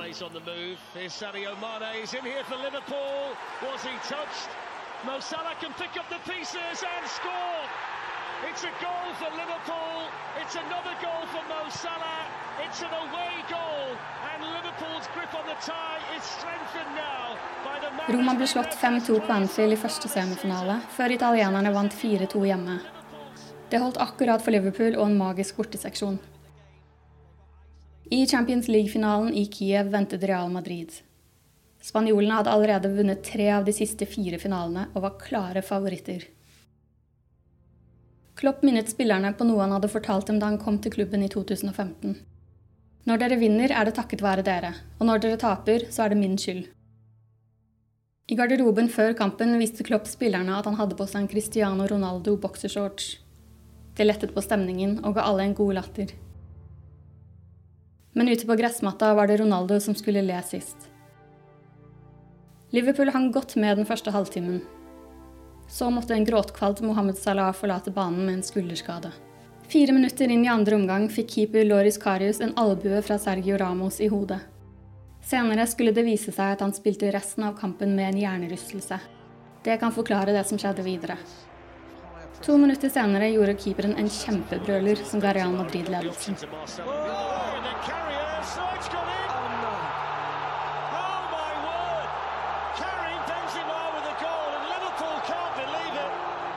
Sadio Mané utlignet, men det var fortsatt to ekstraordinære Madrid-mål på vei.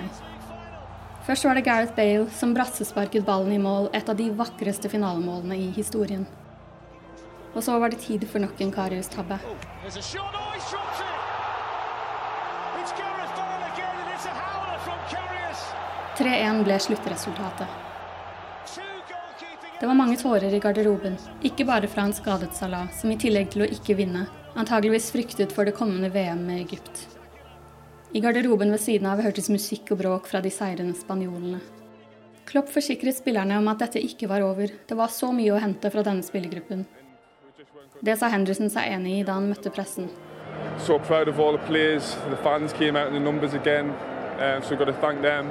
And I hope we can um, getting them more finals. We've got a fantastic squad, fantastic manager, and we've got to just use this to keep going forward. It has been a sensational campaign just to fall down at the last. Spillerne fløy hjem til Merseyside samme kveld. Til tross for skuffelsen ble det brått god stemning i Klopps kjøkken i Formby, hvor alkoholen fløt blant familie og venner som var til stede. Blant annet vokalisten for det tyske punkrockbandet Dei Toten Hosen.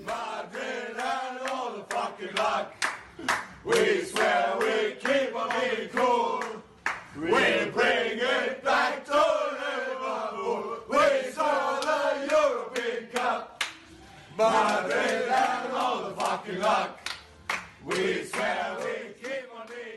To dager senere annonserte Liverpool signeringen av brasilianske Fabinho. Supportere og spillere så allerede videre til neste sesong. Hjernerystelse eller ei, det var ingen vei tilbake i Liverpool for Loris Karius. Liverpool hadde fortsatt penger igjen fra salget av Coutinho, og inn kom Alison Becker. Keeperen Liverpool hadde skåret syv mål mot i semifinalen mot Roma. Sammen med van Dijk hadde plutselig Liverpool blitt stabile i forsvar. Ved jul sto Liverpool uten tap i ligaen, med en bitte liten luke ned til Manchester City. Da de to møttes på Etihad den 3. januar, kunne Liverpool gå ifra med ti poeng ved seier. Men City påførte Klopp det eneste ligatapet den sesongen. Luka gikk ned til fire poeng. Etter en rekke uavgjortkamper gikk Manchester City forbi. Liverpool endte som kjent på en annenplass. Med 97 poeng hadde de vunnet ligaen i 25 av de siste 27 sesongene. Men City fikk 98. Samtidig som Liverpools hovedfokus hadde vært ligaen, hadde de også tatt seg gjennom runde etter runde i Champions League. I semifinalen var det Barcelona som sto for tur. Det startet elendig. 3-0 på bortebane. Men Klopp var likevel fornøyd. Um, what can I say? I'm really, I'm really happy with the performance. That's how it is. Of course, not too happy with the result, um, but uh, we have. Ved returoppgjøret ble vondt til verre da både Mohammed Salah og Roberto Firmino ikke kunne spille. Men det betydde ingenting, mente Klopp. Liverpool hadde ingenting å tape. Hvis vi klarer det, nydelig. Hvis vi ikke klarer det, la oss tape på den vakreste måten. Liverpool og Anfield er nesten uslåelige når flomlyset er på og supporterne lukter blod.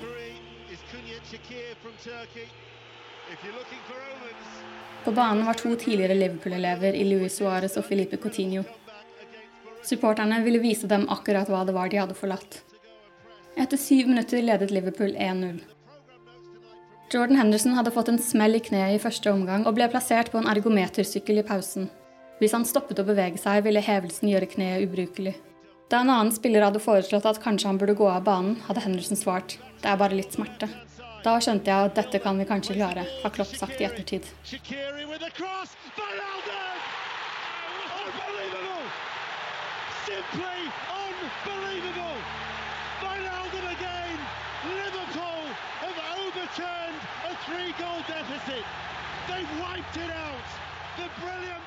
Innbytter Gini Wijnaldum skåret to i andre omgang, før verdens mest kjente corner ble tatt av scouser Trent Alexander-Arnold. Very clever play. He knows that. He's standing in front of him. He's blocking him. Oh, it comes in! It's a corner! It's Origi! Liverpool 4, Barcelona nil! Den umiddelbare feiringen på 3-0 var faktisk høyere enn den på 4-0. 4-0 var forbauselse og forvirrelse, før euforien tok samtlige Liverpool-supportere på Anfield. Da comebacket var et faktum, samlet spillerne seg ved The Cop og sammen sang alle 'You'll Never Walk Alone'.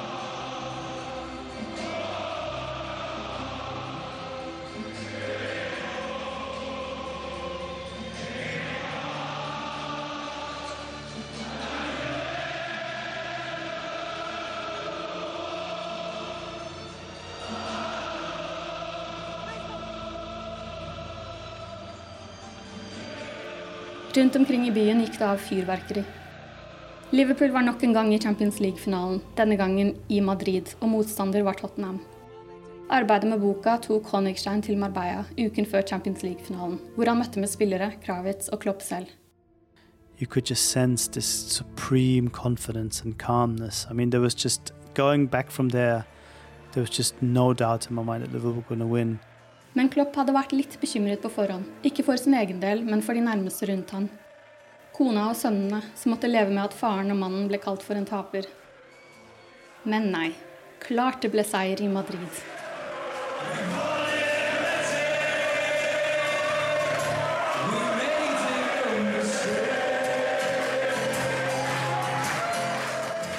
Dagen etterpå samlet 700 000 mennesker seg i gatene i Liverpool for å ønske krigerne velkommen tilbake med medaljefangsten og trofeet.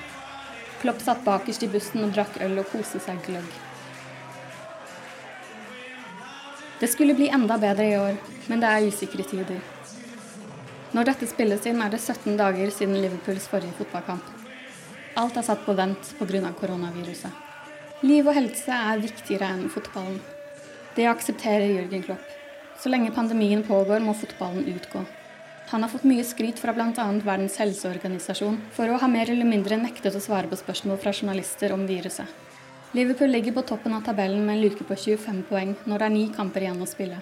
Det er en fare for at sesongen blir annullert, selv om Premier League-klubbene ønsker å fullføre den. Uansett hva som skjer, er det en fantastisk prestasjon fra de regjerende Champions League-mesterne. Men Klopp har også gjort noe enda bedre. Underlying achievement is that he's managed to build a team and a club that can compete for these titles now. You know, last year surprised me. I didn't expect them to be so close in the Premier League. You'd expected them to be competitive again in Champions League because they already were the, the year before. You expect them to be competitive again this year because there are very few teams in the world. Maybe there is no team in the world right now who are playing as well as, as Liverpool are. And to have a team like that and have a club like that, that is, I don't know if you want to put a percentage on it, but I'd say 80% his, his doing. Of course, he benefited from having owners that were ready to invest, that built a new stand, that invested in, in the team, that had in Michael Edwards, a sporting director who had a really good track record when it comes to buying and selling players in recent times. But it all still takes a guy that takes all these positive factors and then makes sure that they all play out in, in, a, in an even bigger self-enhancing kind of way and that's that's what he's been able to do so I think Hans-Joachim Watzke, the Dortmund CEO, once said that Klopp is not just a manager for the team, he's a manager for the whole club. And I think Jürgen has managed this Liverpool to the next level as a club as well as a team. Klopps kontrakt med Liverpool går ut i 2024. Det spørs om han vil fornye den, eller om han takker for seg i England. Så hvordan ser fremtiden ut? I don't think he's necessarily the kind of guy that wants to travel around the world and win championships everywhere and learn new languages and get you know come to a lot of different superstar clubs i think because of the way he works and the intensity and uh, this kind of huge involvement that he has in the clubs rather than just the teams it's hard for him to it's probably very very uh, exhausting to do that kind of coaching which is kind of a yeah, like uh, get 360 degree coaching, if you will, of everyone. So I think it wouldn't surprise me if he slowed down a little bit in a couple of years' time, and maybe after Liverpool, just do a Germany, just I'm saying, but uh, to do the Germany job, where you can just have a slightly more relaxed rhythm of work, and most people expect that to happen at one some stage or another. Jamie Carragher sier at Klopp er stjernen på laget, og mistenker at mange supportere ville hatt Klopp bak på trøya hvis det var naturlig. Han er akkurat som man ser på TV. Han slår av en spøk, han er full av energi. Jeg har vært på noen fester med laget, en av dem etter at de tapte mot Crystal Palace mot slutten av sesongen, da det så skummelt ut med tanke på fjerdeplassen. men han ga high fives til alle spillerne og klemte på dem. Det forholdet han bygger til sine spillere, er en stor grunn til hans suksess som manager. Jeg hadde aldri et sånt forhold til noen managere. Han er bare en stor, energisk mann som han vil spille for. Skauserne elsker Klopp for den avslappa skruen han er. De elsker han for det han har utrettet på banen, og for det han sier i intervjuer, f.eks. da han forsiktig proklamerte at han lener seg litt til venstre i politikken, akkurat som Mercyside tradisjonelt gjør. Han er en av dem. Men for at Klopp virkelig skal bli en av Liverpools store, må han helst vinne ligaen. Jamie Carrier forteller hvordan supporterne ville reagert hvis han skulle vinne dem en ligatittel. Han ville blitt en gud, en ordentlig gud. De hadde satt opp statuer av han. Hvis denne sesongen blir ferdigspilt, kan man helt sikkert ta bilde med Klopp en gang i fremtiden, i bronseform.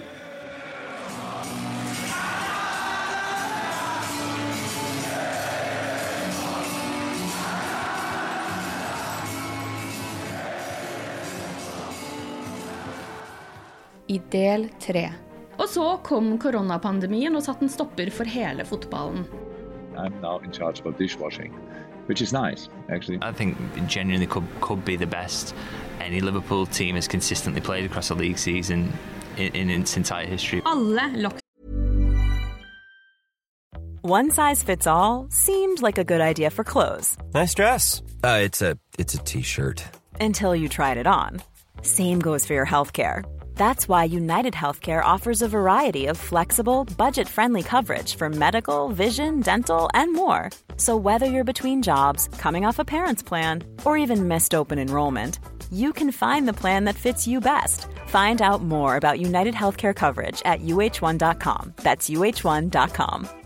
This is Paige, the co-host of Giggly Squad, and I want to tell you about a company that I've been loving, Olive and June. Olive and June gives you everything that you need for a salon quality manicure in one box. And if you break it down, it really comes out to $2 a manicure, which is absolutely insane. It's also so easy to get salon worthy nails at home with Olive and June. The difference between how your nails used to look when you did them yourself and now with the Manny system is a complete game changer. The best thing about Olive and June too is it's a quick dry, dries in about one minute, lasts for five days, and full coverage in up to one to two coats. Visit oliveandjune.com slash perfect Manny 20 for 20% off your first system. That's oliveandjune.com slash perfect Manny 20 for 20% off your first system.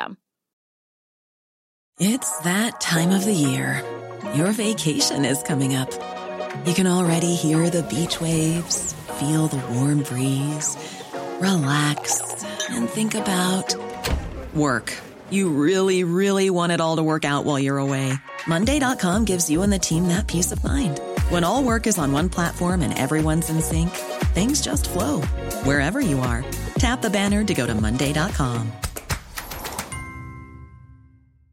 Many of us have those stubborn pounds that seem impossible to lose, no matter how good we eat or how hard we work out. My solution is PlushCare. PlushCare is a leading telehealth provider with doctors who are there for you day and night to partner with you in your weight loss journey. They can prescribe FDA-approved weight loss medications like Wagovi and Zepbound for those who qualify. Plus, they accept most insurance plans. To get started, visit plushcare.com slash weight loss. That's plushcare.com slash weight loss. Hey there, it's Michelle Norris. I'm host of a podcast called Your Mama's Kitchen. When I travel, I'm usually looking for a way to find a taste of home when I'm not at home. And one of the things I love to do when I am at home is entertain. And Airbnb allows me to do that. When I was in California recently, I rented a house that had a great kitchen. And when we were sitting around the table, we're all thinking, we're in someone else's house. Someone could be in all of our homes as well. If you have a home, but you're not always at home, you have an Airbnb. Your home might be worth more than you think. Find out how much at airbnb.com/slash host. Down-regler ble brutt utenfor Anfield den kvelden. No, unfortunately, I have no words. It's unbelievable. It's much more than I ever thought what would be possible. Men så kom oktober. Liverpool-toget hadde så vidt begynt å spore av. Nå var det for alvor på vei utenfor stupet. Du hører på pausepraten dokumentar fra Liverpool supporterklubb Norge. Hei! Forrige gang vi møttes i denne serien var i mars 2020. Liverpool tronet på toppen av tabellen med en god luke på 25 poeng ned til Manchester City på andreplass. Og så kom koronapandemien og satte en stopper for hele fotballen. Tiden gikk, men den gikk veldig sakte. Liverpool spilte ikke en offisiell kamp på 102 dager. Det var underlige tider, men tider som ga oss et nytt innblikk i lagets dynamikk. Klopp stilte til et Zoom-intervju med klubben der han fortalte hva han drev med, der han puslet og tuslet i hjemmet sammen med Ulla og stesønnen Dennis. I'm which is nice actually. Um, I, I enjoy it. I can I I master of that little machine now, um, and I did my first um, scrambled eggs. So nothing else since then because Ola was impressed about the scrambled eggs, but didn't want to give me another another opportunity since then. I didn't really ask for it. But the challenge for next week is I'm 52 now and I cannot tie a tie. Okay. And this this week now, um, Dennis and I we will we will learn tie a tie. After this week, I should be able to tie a tie. My elder son is here with us since the he was here when the when we, the lockdown started, so he's still here. And um, so every night, um, one of us is in charge of the remote control and can decide what we watch. Supporters probably will like that or, or will laugh about it. I don't know. We watched Downton Abbey. Meanwhile, I never watched before Marvel Arts um, movies.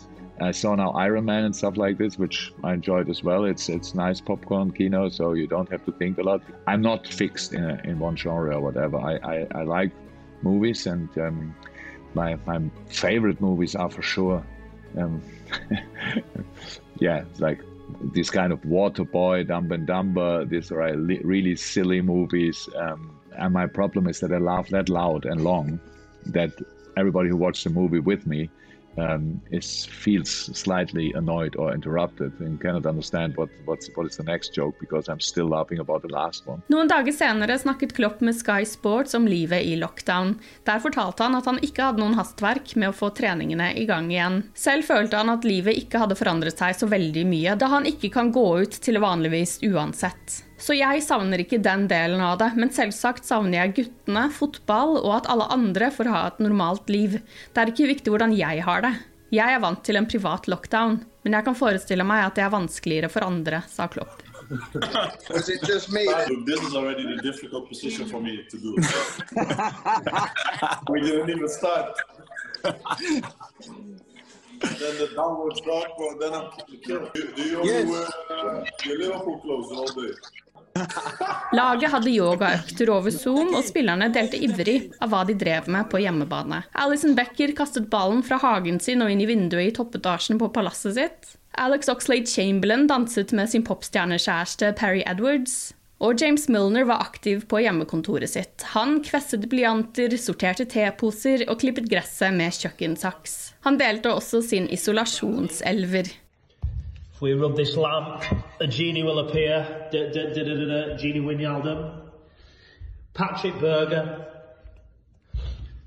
Thierry Henry. Jeff Horsfield.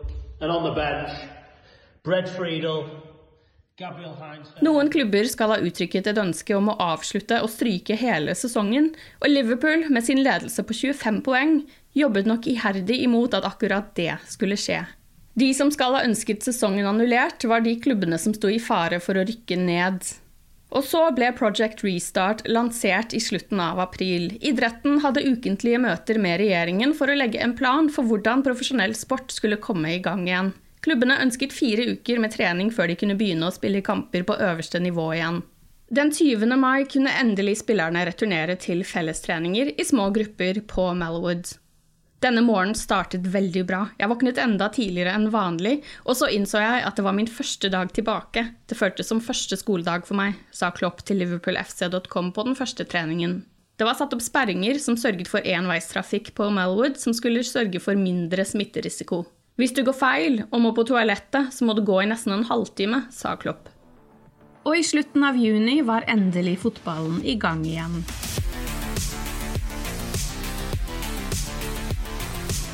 Liverpool kunne starte sjarmøretappen. De skulle bare cruise inn til sitt første ligagull på 30 år.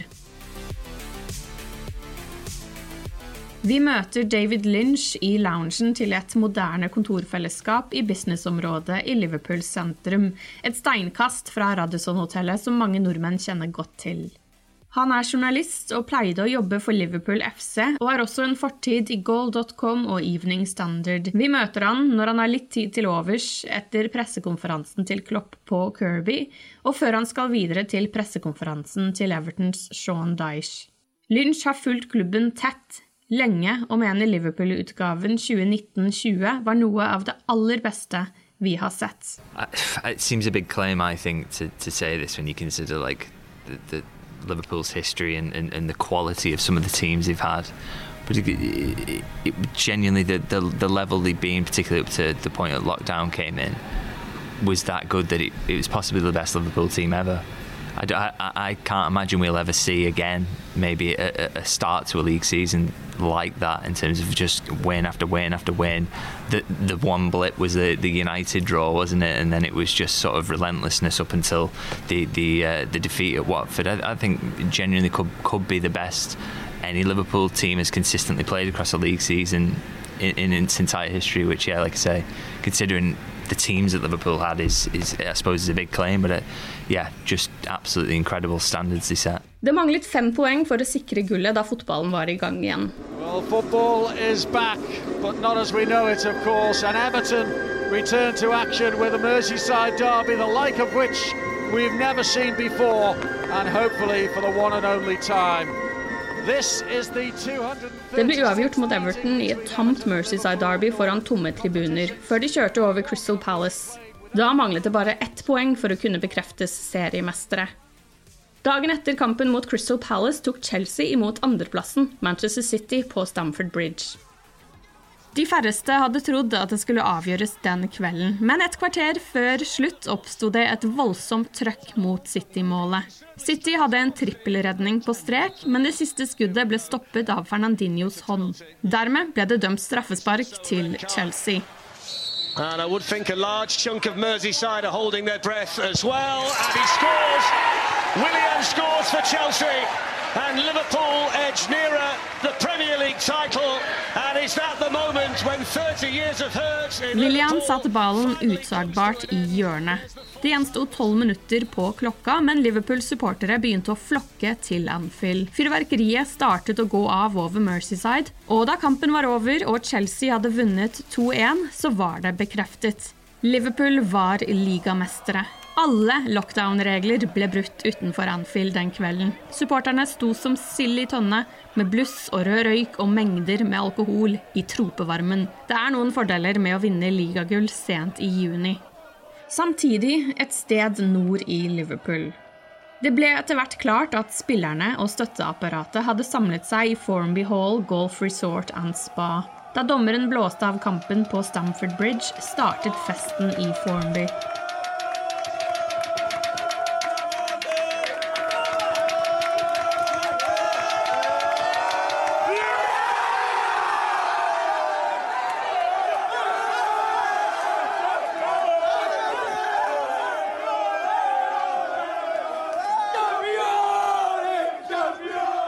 Chelsea hadn't been fantastic that season. They were in around the top four, weren't they? But it, you know, it, it wasn't a sort of by any means a, a, guarantee that they would get a result there. And City were still fighting and, and still a really quality side. So, it, you know, there, there, was nothing guaranteed there that, that, City were going to drop points. But I think they just it was just on the off chance, and, and, and, and I think that the players decided amongst themselves, particularly the leadership group, I think were influential in that in saying that, look, if it happens and we're not together, we will, we will regret this. So you know, let let's do it. Let's let's get together and watch the game. And and luckily it sort of worked out that way, and, and in particularly dramatic fashion as well. You know, everyone's seen the clips, haven't they, when the, the, the late penalty gets called and, and, and, things like that, and and it, it being a turnaround in Chelsea's favour. And you know, I, I bet the, the, players are so glad that they actually did do that because you know it, it, turned into a bit of a big party in the end, and, and, and you know huge moments to them.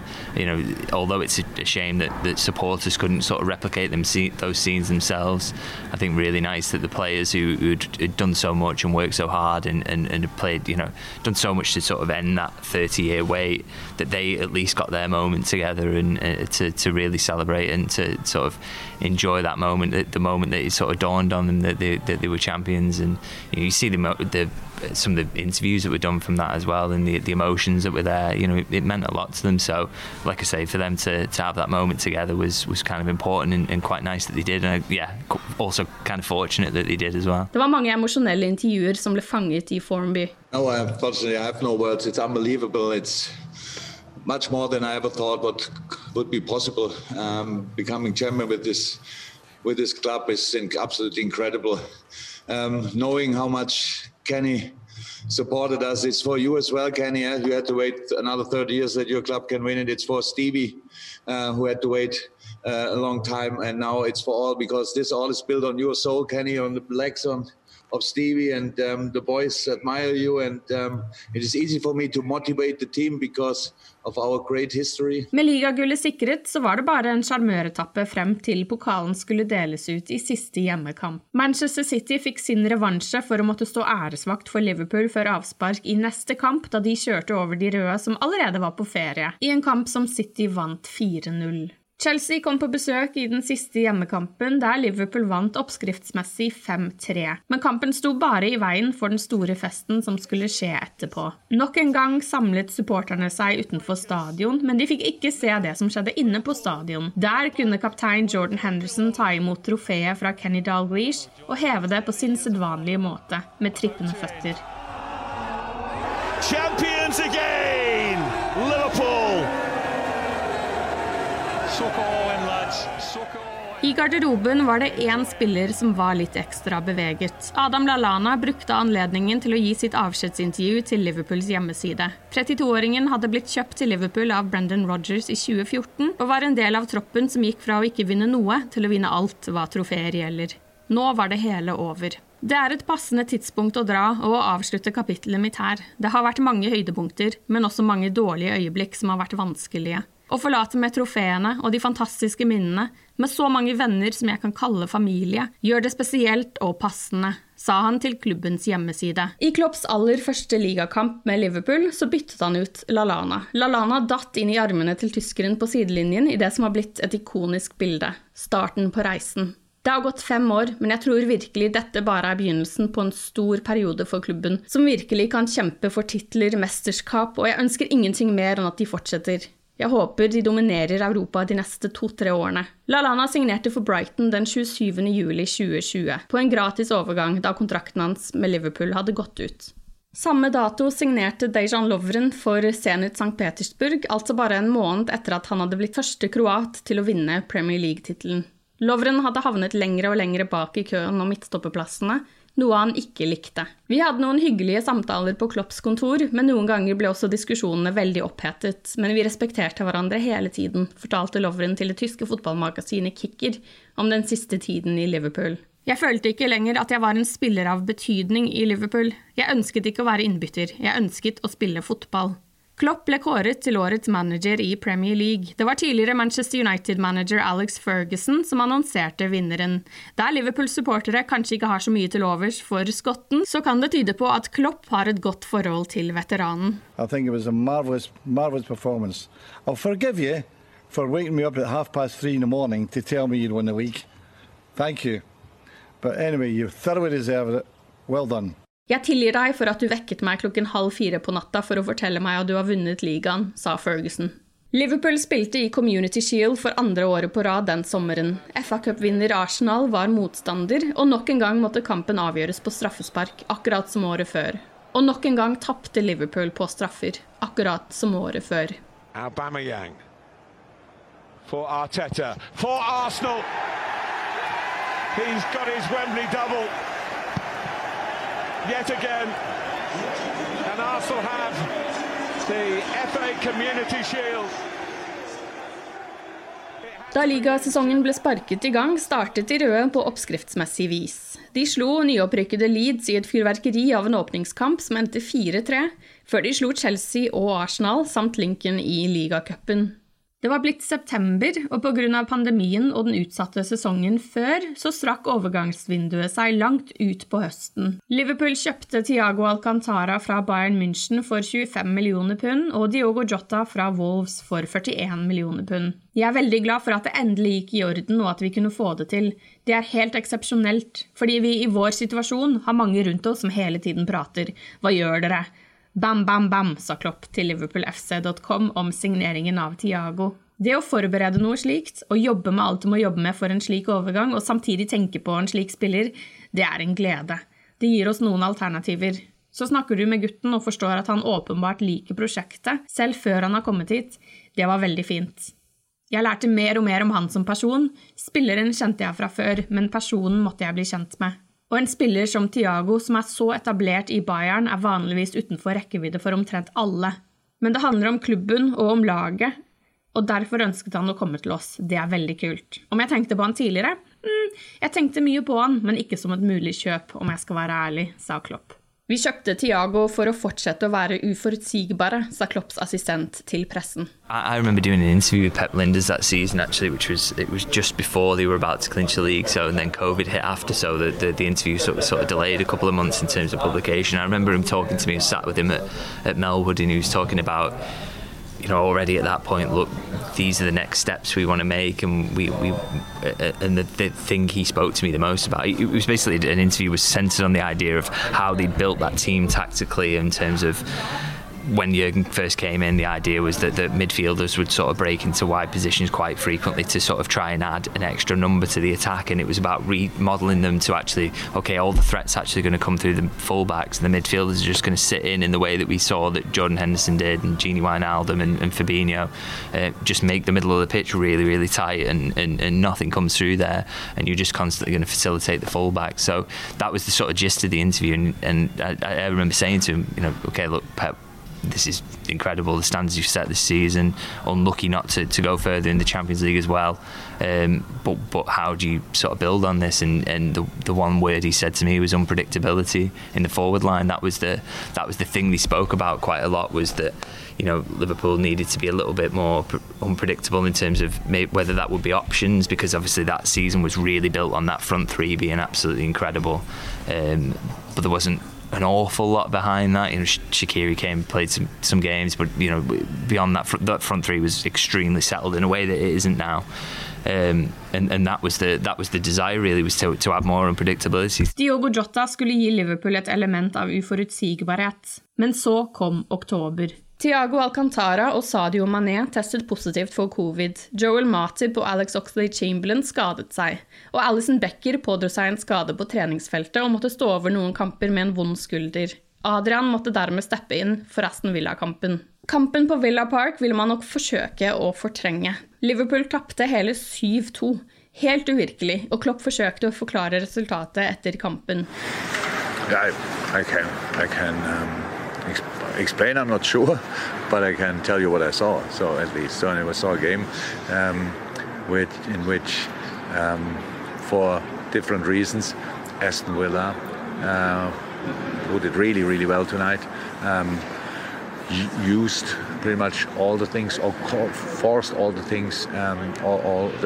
um. Kampene gikk for tomme tribuner. Situasjonen var lik for alle lag, men det var spesielt en skrekksituasjon for Jørgen Klopp. Mannen som elsker å bruke publikum til å fremme sin sak, til å gi laget det ekstra pushet. Han som bruker publikums rop og sang, hets og hat som bensin for Liverpool-maskineriet og for seg selv. Den manglende atmosfæren på Villa Park spilte definitivt en rolle i det som må kalles et freak-resultat.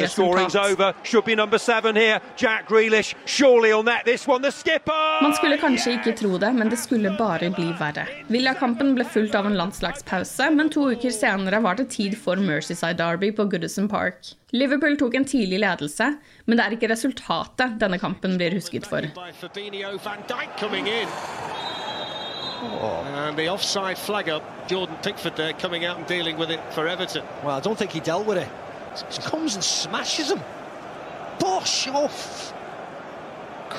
I mean, if that's on, if that's, if, Virgil van Dijk ble spilt fri på bakre stolpe etter en dødball, og Jordan Pickford stormet ut og meide ned nederlenderen før han fikk avslutta angrepet. Det var en stygg, hodeløs takling. En marginal offside reddet Everton fra et soleklart straffespark, men på VAR-rommet ble de så opptatt av å tegne streker for å sjekke for offside at de ikke tok med i beregningen at offside eller ei, Pickfords takling burde i det aller minste ha blitt sjekket for et mulig rødt kort. Men det ble det altså ikke, og Everton-keeperen slapp muligens billig unna. Van Dijk måtte bæres av banen, og ble ikke å se på banen igjen på nesten et helt år. Kampen mot Everton endte for øvrig 2-2, men Liverpool skåret faktisk vinnermålet på overtid, et mål som ble annullert for en offside som aldri ble bevist. Van Dijk måtte operere et fremre korsbånd og var altså ute resten av sesongen. Liverpool-toget hadde så vidt begynt å spore av, nå var det for alvor på vei utenfor stupet. For det ble en god del flere skader. Obviously, hugely influential player and a, a talisman, and we saw in the season that he came straight back. That you part he plays in terms of you know it's not just his quality is also the, the leadership skills, the, the, way he talks to other defenders and, and keeps that line straight and, and, and, pushes them up the pitch. That's absolutely massive. His ability to move the ball about the pitch is, is, is a, a really still possibly an underrated part of Liverpool's build up play. You know, particularly in times when they didn't really maybe build up through the midfield as much. He didn't have as many, you know, really great ball players like Thiago. It was, you know, Van Dijk was just huge for that, really, in, in spreading the ball. And and I also think, you know, alongside that as well, I think Liverpool would have done a lot better that season if it, it had just been Van Dijk as well. It, it, possibly wouldn't been quite as bad if it was just Van Dijk, but that you know then was exacerbated by the, the further injuries that Liverpool had in, in that particular position. I ligakampen mot Sheffield United stilte Liverpool med midtstopperduoen Fabinho og Joe Gomez. Duoen holdt i en og en kvart kamp, for i Champions League-kampen mot Midtjylland ble Fabinho skadet. Inn for brasilianeren kom unge Reece Williams, en gutt Liverpool-supportere skulle bli godt kjent med den sesongen. I neste kamp, mot Westham, så var det Nat Phillips som vikarierte for Fabinho, nok et navn vi skulle kjenne svært godt når sesongen var ferdigspilt. Det var en periode preget av uro blant Liverpools supportere, men de røde vant faktisk fire kamper på rad etter van Dijk-skaden. Diogo Jota hadde virkelig fått fart på sakene i den røde trøya. Liverpool slo Atalanta 5-0 på bortebane i november, og Jota skåret tre av målene. Diogo Jota.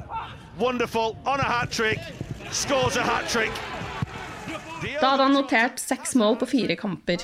Men der det svingte av angrepet, så var det i forsvaret Liverpool var ekstremt svekket denne sesongen. Trent Alexander Arnold pådro seg en strekk i uavgjortkampen mot Manchester City, men enda, enda verre skulle det bli under landslagspausen, da Joe Gomez skadet seg i det venstre kneet. Han ble operert dagen etter, men i likhet med van Dijk var også denne midtstopperen ute resten av sesongen. Gomez skadet scenen som går fra kneskålen og til leggbeinet. Det var ekstremt frustrerende. Landslagsoppholdet var allerede kritisert. I en sesong som ville være så preget av pandemien, var det virkelig nødvendig å presse inn en gruppe privatlandskamper og Nations League i det hele. I fotballens grådighet, forfengelighet og narsissisme er det ingenting som slår meningsløse treningskamper, skrev The Guardians Jonathan Lew i en kronikk.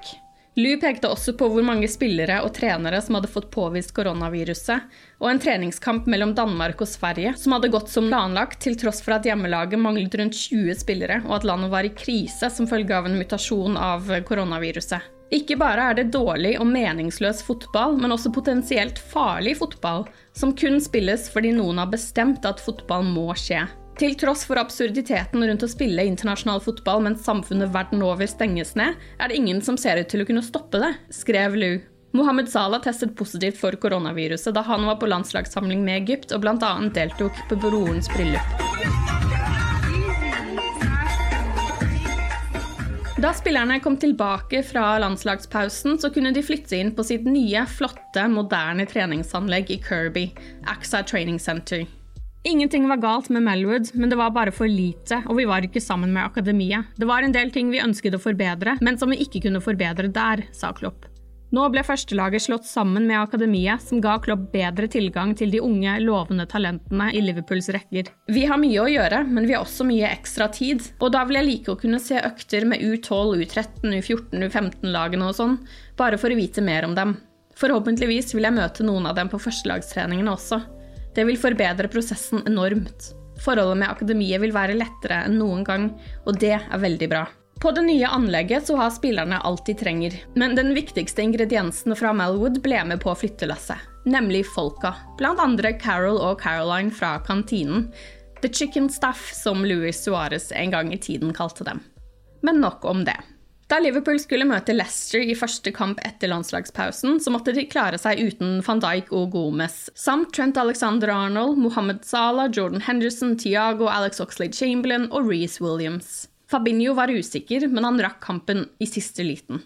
Klopp fikk spørsmål om skadesituasjonen på pressekonferansen i forbindelse med Leicester-kampen. There's no season when you have no problems with injuries. It's always the same, but in our situation, it's slightly different. That um, yeah, a lot of players on the same position get injured uh, and seriously injured, um, and that makes it, of course, tricky. But um, nobody here feeds, not at all any kind of self pittiness or whatever. I'm not sure if it's the right word, but but we, we don't feel sorry for ourselves. It's, it's situation.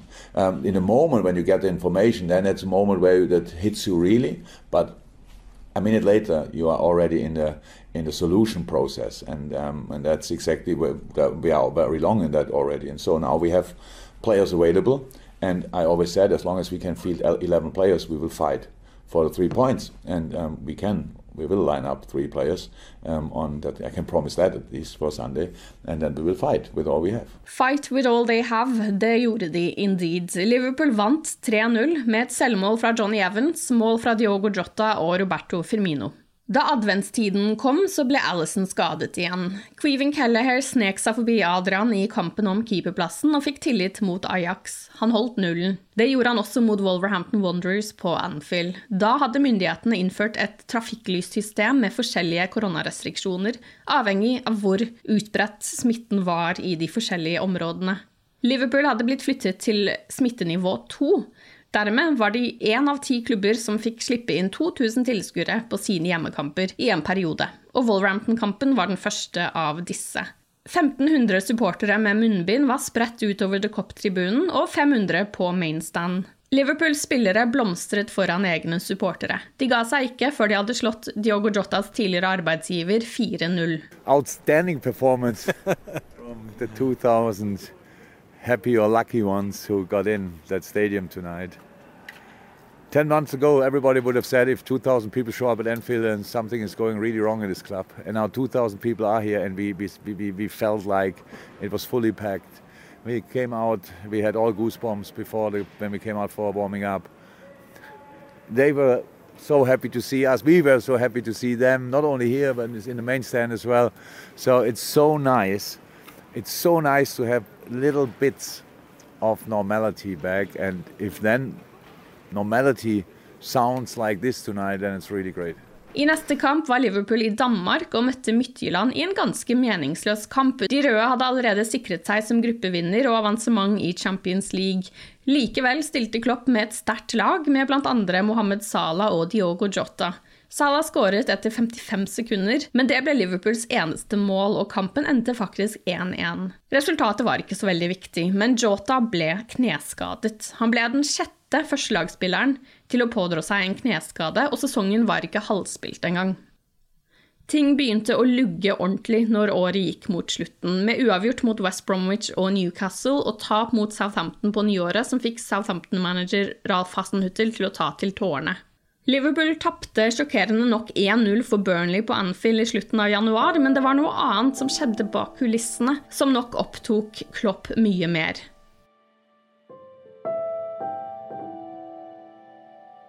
Den 19. januar mistet Klopp moren sin, Elisabeth, som ble 81 år gammel. Pga. pandemien fikk ikke Klopp deltatt i morens begravelse. Hun betydde alt for meg, hun var en ordentlig mor i den beste meningen av ordet, sa Klopp til en tysk avis. Som kristen så vet jeg at hun er på et bedre sted nå. Det at jeg ikke kan være til stede i begravelsen, er pga. disse forferdelige tidene. Men så raskt muligheten byr seg, vil vi ha en fin minnestund sammen.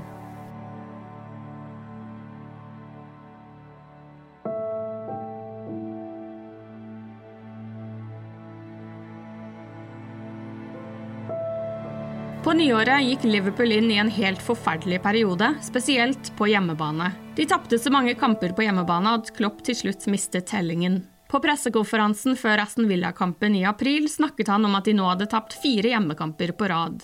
Da måtte en av journalistene rette på han. De hadde faktisk tapt seks hjemmekamper på rad.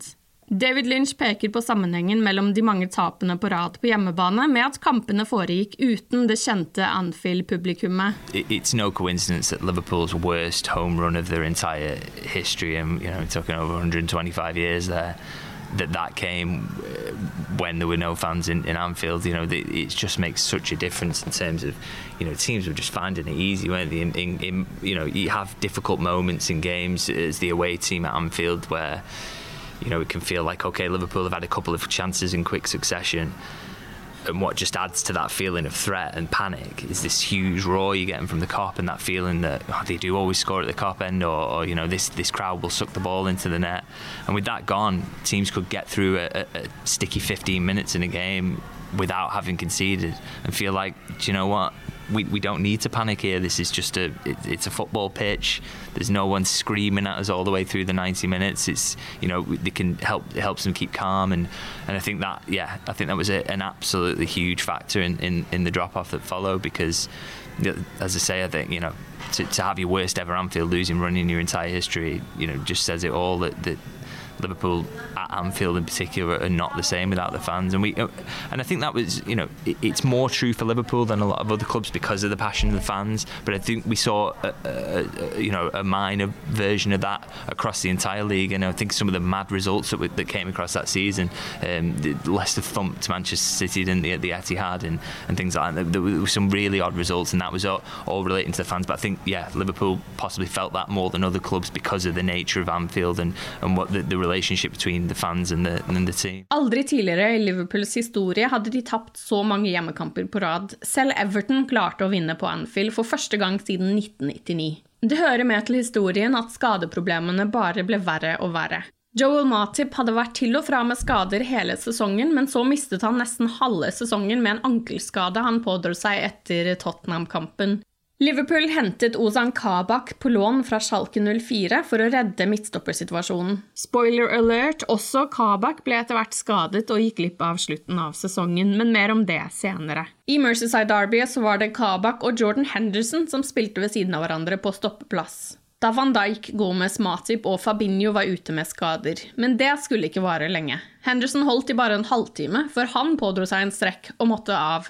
Nat Phillips kom inn. Skadene var ekstremt kostbare for forsvarsspillet, og gikk også utover midtbanen, da spillerne enten måtte vikariere eller spille mer defensivt for å hjelpe vikarene bak. Og det hjalp ikke akkurat spissene. Det hele var en ond sirkel. Ligatittelen var for lengst tapt, men nå var det en reell fare for at Liverpool skulle havne utenfor topp fire også. Men i midten av mars så tok Klopp et grep som kan ha forandret hele historien til 2020-21-sesongen.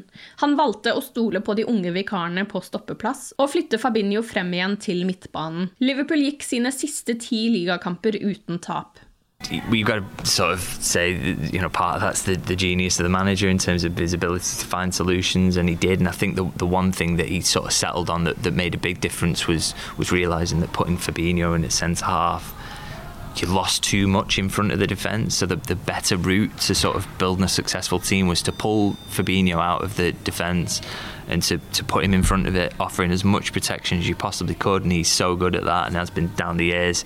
Um, and yes, you may end up with a with a weaker centre half pairing on paper, but if you've got Fabinho in front of them and he you know, is operating at his peak still at that point, you know you, you, you really can protect them and shield them and, and make sure they don't have to do too much and, and that that sort of as soon as he realised that I think was really the basis for Liverpool going on that unbeaten run towards the end of the season. Blant resultatene som skilte seg ut var 3-0-seieren over Arsenal på Emirates i starten av april, 4-2 over Manchester United på Old Trafford i kampen som ble utsatt etter at United-supporterne stormet banen i protest mot Glazer-eierne, og 2-1-seieren over West Bromwich, der Alison skåret på heading i sluttsekundene. Brazilian stopper has only gone and gone forward and scored a header with the last touch of the game. Unbelievable. Unbelievable, the header. I, I, I, never saw something like that. Insane, insane good technique, all these kind of things. Og vips, så hadde situasjonen på tabellen endret seg betraktelig. Da Liverpool gikk inn til sesongens siste kamp mot Crystal Palace på Anfield, så lå de på fjerdeplassen. De hadde like mange poeng som Leicester, som lå bak dem på målforskjell, og de røde følte at de var nødt til å vinne siste kamp. 10 000 tilskuere fikk komme inn på sesongens siste kamp, som Liverpool vant 2-0. Ozan Kabak hadde skadet seg og gikk glipp av sesongens siste fem ligakamper. Stoppeparet Reece Williams og Nat Phillips ble etablert, og til og med ganske stabile sammen. Da kampen var over og spillerne gikk æresrunden for å takke supporterne for sesongen, så var de blodige. De hadde bokstavelig talt blødd for drakta. Begge visste at når neste sesong var i gang igjen, ville de være bak de mer erfarne stopperne i rekka igjen. Men det var unektelig en lærerik sesong for de to unge. What the, what the boys made of this situation was absolutely incredible. What Reece and Nate played today is, is an for all young kids in Liverpool Academy. If you work really hard, there's a lot possible in this club. Both have a cut, both need to be stitched. Both came through the game. Reese couldn't train the last three days because he had hamstring. Didn't train a second, just played today. All these kind of things. There's so many incredible stories for, this team. Da Liverpool ett år senere var i Champions League-finalen nok en gang, skal Klopp ha sendt en melding til de to. Jeg husker den siste kampen forrige sesong, og de forlot banen med bandasje rundt hodet, kutt i ansiktet. Det var et symbol på hele den perioden. Vi kom oss gjennom med én fot, ett øye. Det var utrolig. Det var en utrolig vanskelig sesong. Forhåpentligvis har ingen glemt hvor hardt vi har kjempet for å komme hit. Vi kjente det mentalt. De som så på oss, hadde ingen problemer med å fortelle oss at vi underpresterte. Vi prøver å forstå, men tenker vent litt. Vi spiller mot lag i den sterkeste ligaen i verden, og vi spiller uten forsvaret vårt. Vi hadde ingen midtstoppere. Vi måtte spille med midtbanespillere i forsvaret, og da bruke andre spillere på midtbanen, og ingenting fungerte. Til slutt så spilte vi med to fantastiske spillere, Reece og Nats, men vi kunne ikke bruke dem noe tidligere fordi de trengte tid til å tilpasse seg. Så ja, det var noe vi måtte bevise, og jeg er fornøyd med at guttene klarte det. Liverpool hadde spilt med 20 forskjellige stopperpar den sesongen, og selv om Reece og Nat gjorde det brukbart til slutt, så var nå Klopp desperat etter mer stabilitet før neste sesong. Da siste runde var spilt, så hadde både Chelsea og Leicester tapt sine kamper, og Liverpool, som lenge så ut til å miste topp fire, havnet på en tredjeplass.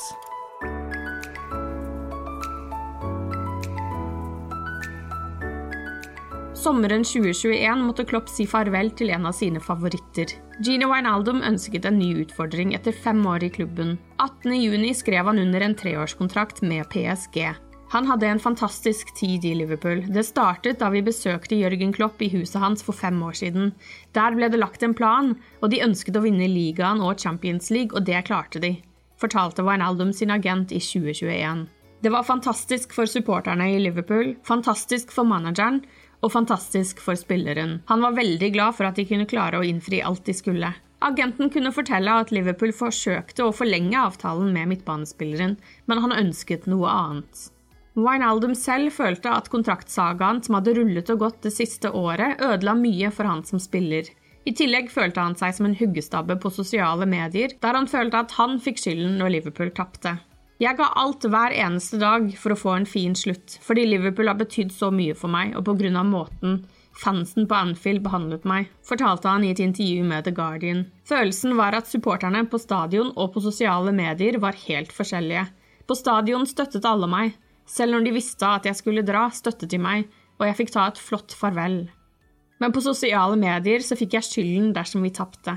Jeg tenkte av og til at de bare skulle ha visst hva jeg gjorde for å holde meg frisk gjennom sesongen, mens andre spillere ville sagt at de ikke kunne spille for å ikke risikere noe. Jeg gjorde det motsatte. Forholdet med Klopp skal ha vært godt, og tyskeren kalte han for en god venn som han mistet. He came, he came as a, as a top, top, top, top player, believe as a world-class Liverpool legend. He is an outstanding footballer and a much better person. I loved working with him. Det var vanskelig å si farvel, for vi hadde en kjempefin tid sammen, sa Klopp. Men nå var det på tide å skape nye minner.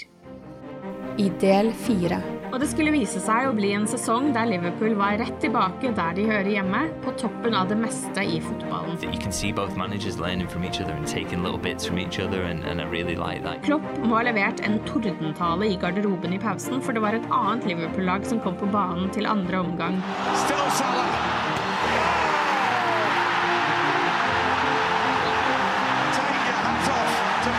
Vips var Jørgen Klopp historisk. Man skulle tro Liverpool hadde vunnet ligacup og FA-cup og liga og Champions League og halve kongeriket, slik de ble hyllet gjennom gatene sine. He just feels like the man on the street, but he also has this incredible ability to manage football teams and build great football sides that, that win things. Du hører på pausepraten dokumentar fra Liverpool supporterklubb Norge. Verden hadde fortsatt ikke klart å riste av seg koronaen da preseason 2021 startet. Liverpool hadde planene klare for preseason, men måtte endre på dem i siste liten. Turen gikk til Østerrike, og i stedet for å reise videre i Europa slik som de ønsket, ble de værende i Østerrike i fire uker. Da bildene fra første treningsøkt kom, så var det spesielt ett glis alle med Liverpool-sympatier var glade for å se, nemlig Virgil van Dijks.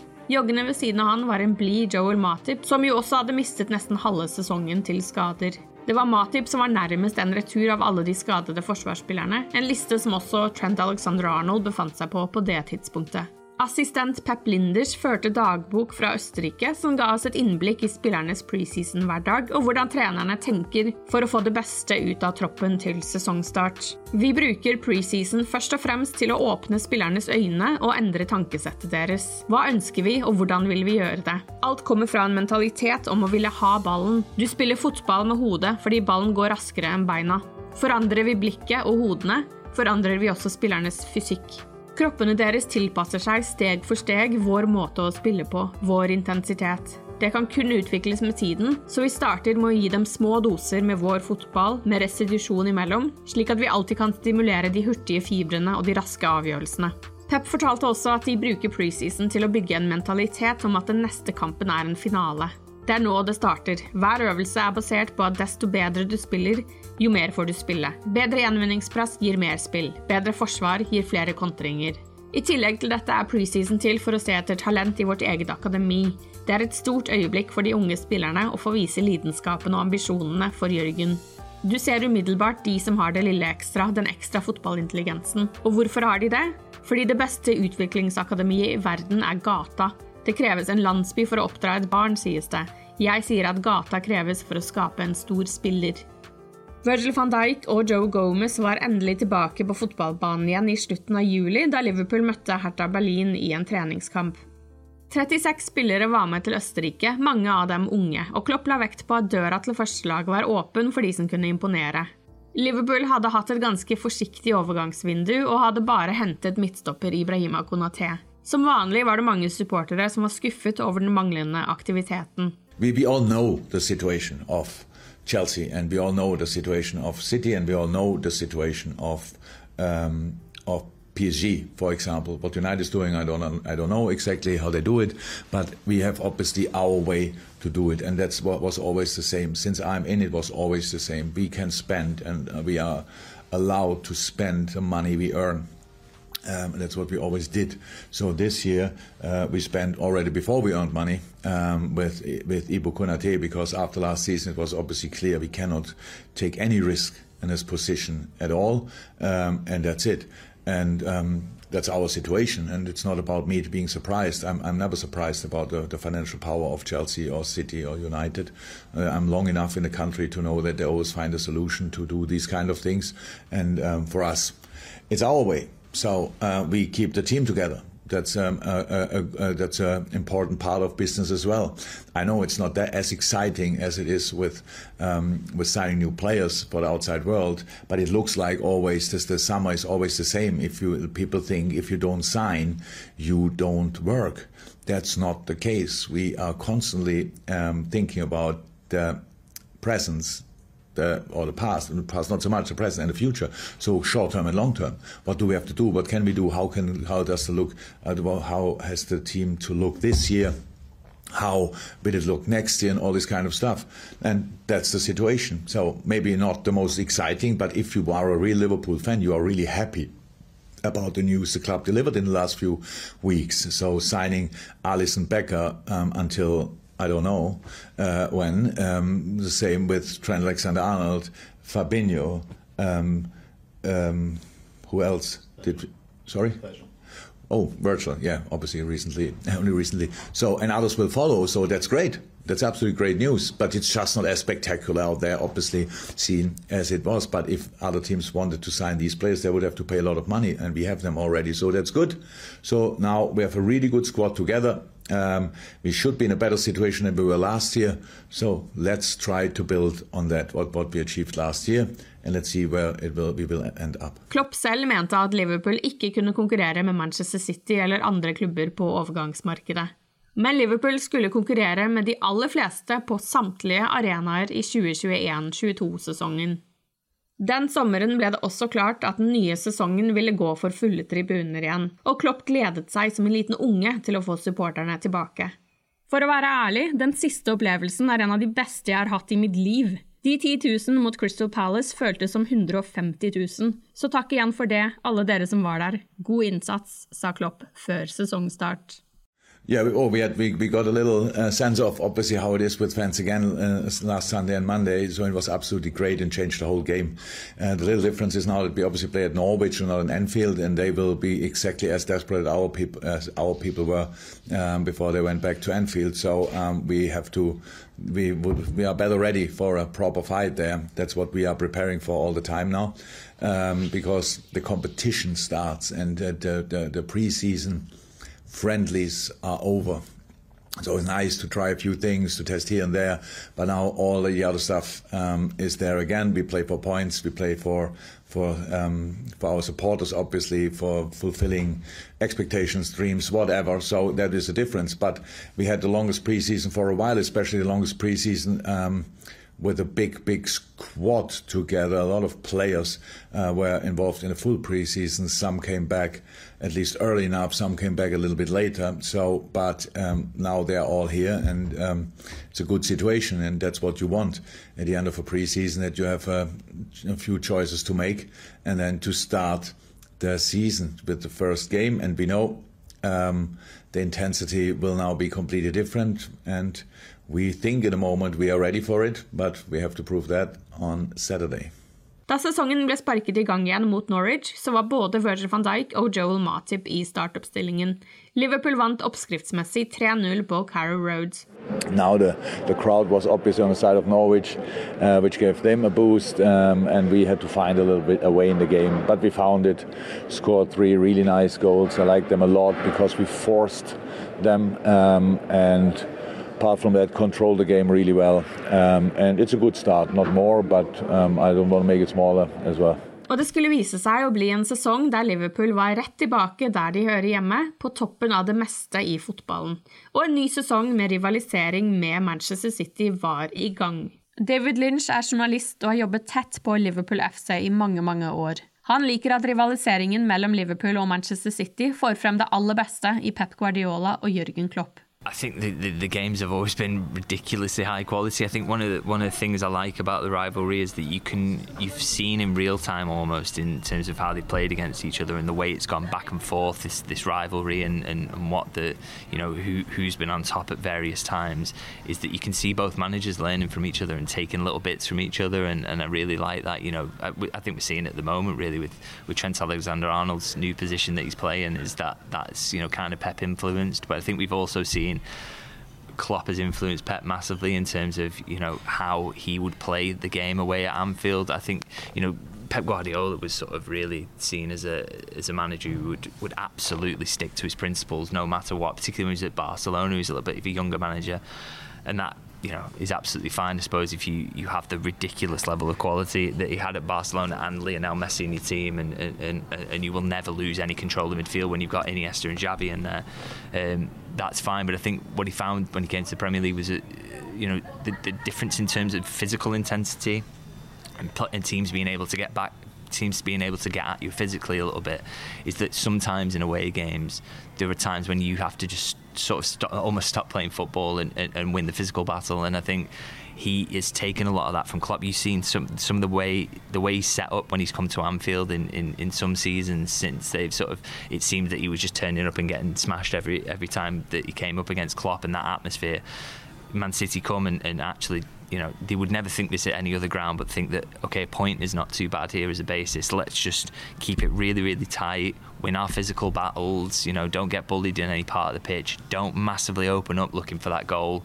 Let's just keep it nice and solid. And I think that that's definitely something. And Pep said it himself is something that he's sort of learned from Klopp in, in terms of his approach and and, and has, has changed his mindset when he when he comes up against Liverpool at Anfield. So seeing that you know the two managers learning from each other just shows what a high level they're both operating at because they're possibly the only two managers who could teach each other anything at this point and that you know just shows how good their teams have been and that they, they, you know and, and, how good they are as managers. And that that's we've seen that reflected in the games I think really the high level of quality because some of the games have been so so good and intense. And yeah it's also got that edge now because they play each other you know frequently with something riding on it. The, the, the, the real sort of edge is there between the fans as well. So that just adds to a, a great spectacle, I suppose. Første møte mellom Liverpool og City den sesongen var på Anfield i starten av oktober. City var totalt dominerende i første omgang, men klarte ikke å få hull på byllen. Klopp må ha levert en tordentale i garderoben i pausen, for det var et annet Liverpool-lag som kom på banen til andre omgang. Men det ble 2-2, etter bl.a. et helt briljant mål fra Mohammed Salah. Salah. Still. Salah.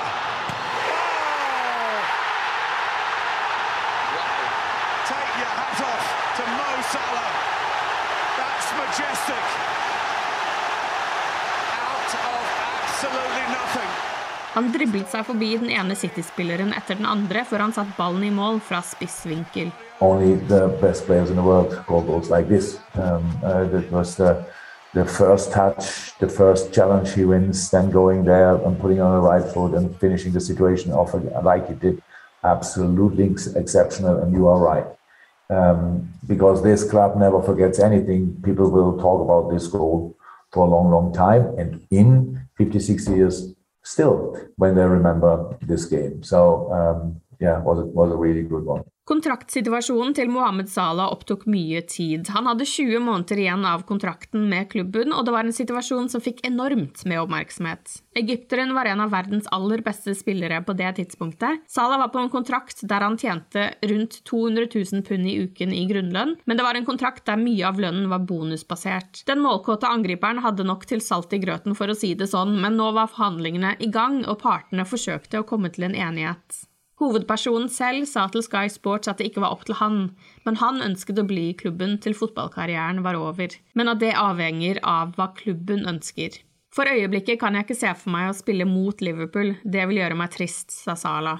Klopp var som vanlig ordknapp om temaet, selv om spørsmålene rant inn ved hver pressekonferanse. I slutten av oktober reiste Liverpool til Old Trafford for å møte Manchester United. Det ble uforglemmelig. Før kampen lå Liverpool på en andreplass og United på en sjetteplass, men Old Trafford var en stadion der Liverpool ofte kunne slite på, spesielt med supportere på tribunen. Men det var borteseksjonen og de i bortedrakt på banen som kunne juble høyest. Helt klart høyest.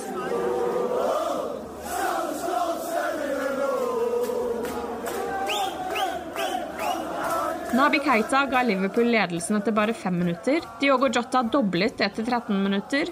Og så satte Salah inn støtet for å forbedre et kontrakt med ikke bare én, ikke bare to, men tre skåringer. Liverpool vant 5-0. Paul Pogba ble utvist, og Cristiano Ronaldo sitt trøstemål ble annullert. En fantastisk dag i Manchester, med andre ord. Likevel var det en rolig og samlet Klopp som møtte pressen etter kampen. Um, it's a good day, a really good day, and I don't want to be disrespectful to the day, um, but um, no idea. It's a big one. We know that we um, obviously after the game I got told that that never happened before in the in the long history of LFC. We all this group always wanted to to write their own little chapters for the big big history book of this club. This was a little one tonight, a little chapter. People will talk about that in the future 100% because it will not happen very often if it happens again at all. Um, and but we saw the game um, as well, and um, we know that we were lucky in two, three situations where United in the first half could have scored. Um, I think they sh- could have should have scored the first one. Uh, that doesn't make our performance small. It's just how it is. And but in front of the goal, in, in the last third, we were exceptional. We were clinical. We were ruthless. Our high press was outstanding. We really um, won balls in great areas. Um, formation top, all these kind of things you want to see as a coach uh, worked out really great. The difference is now that you usually don't score them with each situation you have, pretty much. And that's what we did. And that's why we were 4 0 up for half time. Second half, early 5 0, and the red card, game over. Uh, so then just control it and uh, try to get home healthy.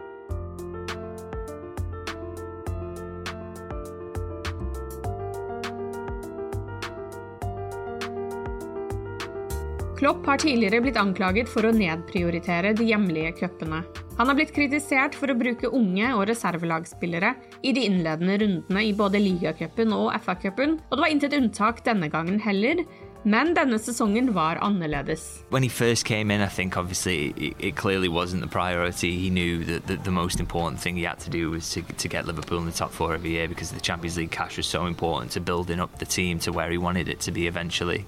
So I think in, you know the early stages maybe didn't see the domestic cups as hugely important, but I think you know, and, that, and, that's in his full seasons. Obviously, he went to run to League Cup final in his first season. I think he was sort of finding any competitions he could get his team playing, and he was he was happy to do that. But I think, yeah, the subsequent seasons maybe didn't take them as seriously. But equally, I think he got some absolutely horrendous cup draws, you know, consecutively really. And one of the one of the foundations really for Liverpool reaching both domestic cup finals last season, I felt, was that they got some really handy draws early on in terms of yes you could rotate which you, which you have to do because the calendar's so busy at that point that, that the manager doesn't have any choice but to do that. But you could rotate and you could also get away with it because you were playing you know championship opposition or league one opposition and it was a you know or you were getting a, a, if you were playing as a team who were higher up you were getting a, a home draw. And that makes things so much easier. You know I look at some of the draws City have had in recent years and they they have been fortunate really in terms of that they've not got a you know a horrible Premier League away draw in, in, in one of the domestic cups early where they would look to rotate and it's not cost them as you know as much as their squad is incredible as well by the way. Um, and but I think that yeah I think that you know was really helpful to Liverpool that they got better draws. And I think in some of the years where Jurgen's been accused of, of not taking it seriously, I think you can just look at who they've ended up with. You know, I think it, you know, I remember them getting knocked out. Is it was it the FA Cup that one when they got knocked out by Chelsea away? They they got Wolves away. They've had Wolves away. They've had you know difficult Premier League draws, and I think you know that that is a factor. You do need that little element to look at the start of a domestic cup competition. And then once you get to the quarterfinals or the semis, you know, it's much easier then to, to take it seriously. So yeah, just need a, a little bit of good fortune with that stuff sometimes. I første ligacupkamp den sesongen måtte Liverpool spille bortekamp mot Norwich. Det var Costa Simicas, Joe Gomez, Ibrahima Konaté og Conor Bradley som startet i forsvarsrekka foran Queeving Kelleher i mål. På midtbanen fikk Nabi Keita, Curtis Jones og Alex Oxley Chamberlain prøve seg, og på spissplassen fant vi Kate Gordon, Divock Origi og Takumi Minamino. Liverpool gikk videre med 3-0-seier, med mål fra Minamino og Origi. Neste møte var mot championship-laget Preston North End, og igjen fikk Liverpool muligheten til å stille med et litt reservepreget lag, med Adrian i mål, Nico Williams, Joel Matip, Joe Gomez og Costa Simicas i forsvar, Alex Oxley Chamberlain, Tyler Morton og Curtis Jones på midtbanen, og Takumi Minamino, Divok Origi og Harvey Blair i angrepet. Igjen var det Origi og Minamino som sikret avansement til kvartfinalen med en 2-0-seier. I kvartfinalen ble vi servert en av sesongens mest underholdende kamper under flomlysene på Anfield. Leicester kom på besøk og ledet med to mål, både 2-0 og 3-1. Queeving Callahare, som nok en gang voktet målet, kunne fortelle at Klopp hadde kommet med en spådom i pausen da Leicester ledet 3-1. Vi hadde ikke en god start, og vi var selvsagt under med 3-1, men vi følte oss faktisk selvsikre, fordi målene vi slapp inn var stort sett vår egen feil. Vi ga bort ballen. Treneren sa i pausen at hvis dere får det neste målet, vil supporterne reise seg, og alt kan skje. Så vi hadde troa på det helt til siste slutt, og det var helt tydelig. Da det gjensto 20 minutter, reduserte Diogo Jota, og fem minutter på overtid fikk Minamino Anfield til å eksplodere da han utlignet og sikret ekstraomganger.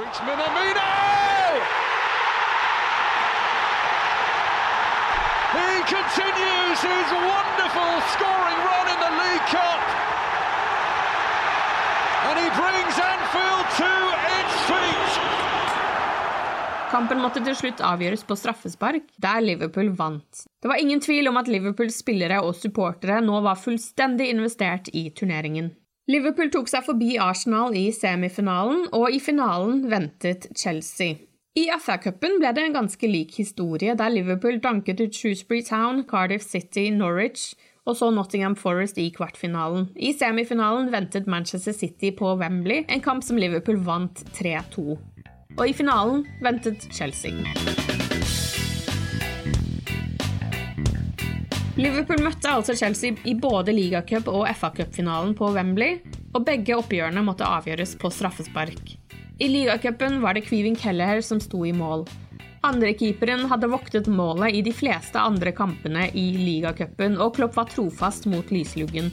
Men faktisk hadde Alison spilt i en av de to kampene mot Arsenal, noe Kelleher likte dårlig. Kvivin sa ikke bare 'OK, jeg forstår', han sa 'hæ, hvorfor'?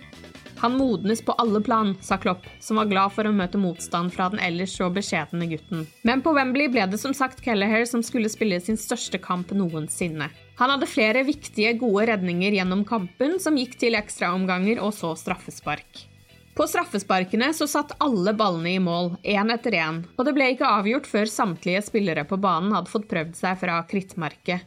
Til slutt sto det mellom de to keeperne, Kepa Aritzabalaga og Previn Kelleher. Kelleher and Kepa.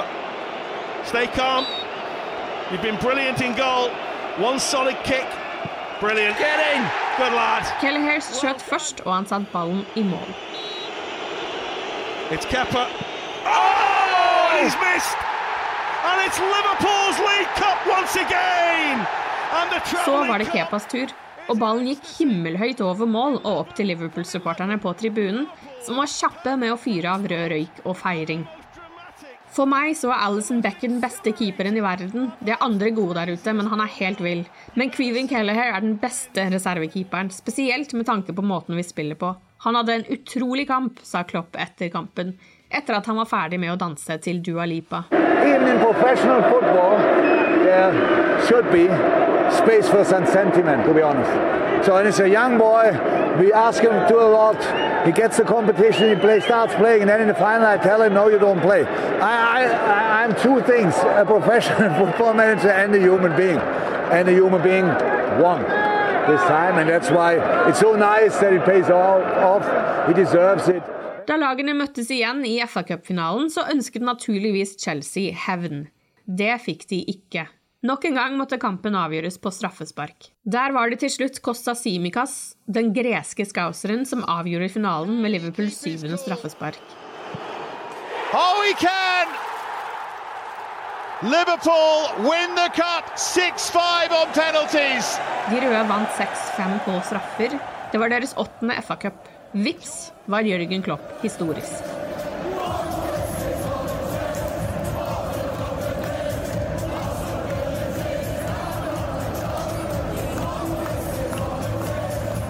Liverpool har en lang, stolt, stor, imponerende historie og udødelige managere, men Klopp er annerledes. Han ble den aller første Liverpool-manageren til å ta en kvadrupel. Med FA-cupen i havn ble han første røde manager til å vinne de fire store. FA-cupen, ligacupen, Champions League og ligagull. Tradisjonen tro, før avspark i finalen på Wembley, så ble Englands nasjonalsang sunget. På den tiden het den God Save the Queen.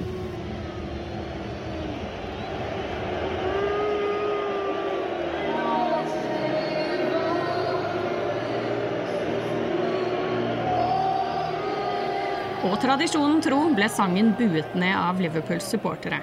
Det har de alltid gjort. I hvert fall siden den industrielle uroen på 80-tallet, da arbeidsledigheten skjøt fart og Liverpool følte seg oversett av Margaret Thatcher og hennes konservative regjering, som vurderte et planlagt forfall av byen etter opptøyene i Toxteth i 1981 fremfor å hjelpe den på beina igjen. Dette er kortversjonen. Men på 80-tallet var Liverpool stadig på Wembley. Da buet de strengt tatt ikke nasjonalsangen, de sang sine egne sanger over den. Et nyere høyttaleranlegg på Wembley har dog gjort det vrient å bare synge. Derfor har supporterne tatt til buing.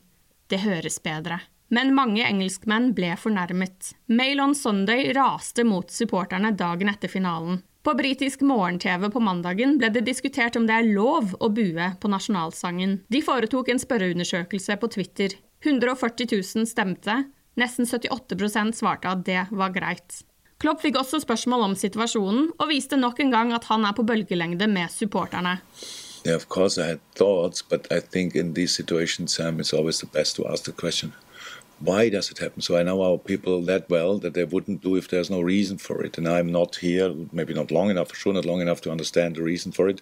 It's for sure something historical, and that's that's probably a question you can answer much better than I could ever. Um, these are wonderful. The, the, our our fans, and I know few fans from other clubs see that slightly different, um, but um, are the majority of our supporters are wonderful people, really um, smart and all these kind of things, understand, go through lows, go through highs, suffer together, all these kind of things. They wouldn't do it if there would not be a reason. That's what I that's what I know. Um, and maybe we should ask this question. But of course, I realized it, um, and it was um, not something I enjoyed or whatever. Um, but that's the answer. På dette punktet i sesongen så kunne Liverpool faktisk fortsatt vinne en kvadrupel. Ligacupen og FA-cupen var allerede sikret, men de lå fortsatt i konkurranse med Manchester City om ligagull, og de tok seg til finalen i Champions League etter bl.a. et perfekt gruppespill der de ble det første engelske laget til å vinne samtlige seks kamper. En bragd Klopp uttalte at han var veldig, veldig stolt over. I ligaens siste runde tok Liverpool imot Wolverhampton på Anfield, og på Etihad kom Steven Gerrards Aston Villa. Det var skrevet i stjernene at den tidligere Liverpool-kapteinen endelig skulle vinne ligaen for Liverpool, og i en periode så det nesten litt lovende ut. Wolves tok en tidlig ledelse som Liverpool utlignet før pause, men på Etihad ledet Aston Villa hele 2-0, og da Salah ga Liverpool ledelsen og Andy Robertson la på til 3-1, så tok det av blant spillerne. For på tribunene hadde supporterne fått med seg at City hadde snudd det. De ledet, og de vant. Det var nok først da kampen var over og spillerne ikke ble møtt med en ellevill feiring, at de skjønte hva som hadde skjedd i Manchester. Kvadrupeldrømmen var offisielt knust. Nok en gang havnet Klopp og co. ett poeng bak Pep Guardiola og hans lyseblå maskineri. Spillerne måtte forsøke å komme over skuffelsen, løfte hodet og se mot Paris, finalen i Champions League, der Real Madrid ventet og Liverpool, og kanskje spesielt Mohammed Salah, ønsket å hevne det som skjedde i Kyiv fire år tidligere. Men kampen falt fullstendig i skyggen av det som skjedde utenfor stadion. Elendig organisering skapte trengsel og køer utenfor sikkerhetskontrollen til stadion, og Liverpools supportere måtte holde hodene kalde for at det ikke skulle gå virkelig galt. Kampen ble utsatt en halvtime for å få supportere gjennom tellemaskinene. Franske myndigheter skyldte på supportere uten billetter og supportere med forfalskede billetter, selv om dette langt på vei var oppspinn.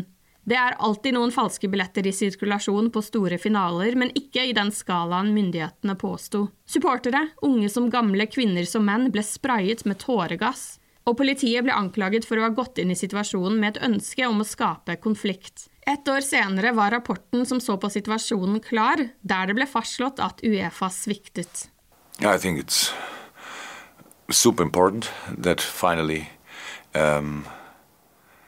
it's official. Let me say like this: I, am not sure. At least in my life, there was never a case with more with more evidence, which I knew more about. Um, when I was not directly involved, because I was on the other side of the of the wall in the stadium, pretty much. Um, but um, families, friends, they were all there, and everybody knew um, how our supporters behaved. But it's it's really feels good, feels just right that it's now official. I think we were really lucky that not more happened. Whatever I heard about it, it was a that was a day of I'm not sure how you say that, but the day of goodwill lies. That when you have to lie to protect the other person, because we all had messages from our from our people outside before the game, and the game got delayed, so we started looking at the smartphone again. What's what's happening? We knew it because people don't cannot get in, and everybody said, "No, no, I'm fine, I'm fine," and nobody was fine. So nobody was fine, and, and when that really, um, then the game started, and um, I heard from, from people that everybody who was in the stadium was just there and thought, I made it somehow. Wow, it was not the the, the, the, the, mood you are in when you go to uh, when you want to when you go want to see a, a Champions League final. So what it all took away, and the, the the strangest thing is that after the game, like an hour after the game, the least important information on that night was that we lost the final. That's really crazy and that shows just um, how it all went. But again, um, that not more happened was pure luck, I think. På banen viste Real Madrid hvorfor de regnes som kongene av Europa, der de vant 1-0 i en ikke spesielt minneverdig kamp der Liverpool var best på statistikken, men ikke i målprotokollen. Da skuffede Liverpool-spillere vendte snuten hjemover fra den franske hovedstaden, var de nok litt nølende. Det var planlagt parade gjennom Liverpool by søndag, men de hadde jo nettopp tapt en finale. Den potensielle kvadrupelen ble bare en dobbel, bare FA-cup og ligacup. Var det egentlig noen som kom til å dukke opp? Jo da, det var det. Man skulle tro Liverpool hadde vunnet ligacup og FA-cup og liga og Champions League og halve kongeriket, slik de ble hyllet gjennom gatene sine. Det satte Klopp pris på. No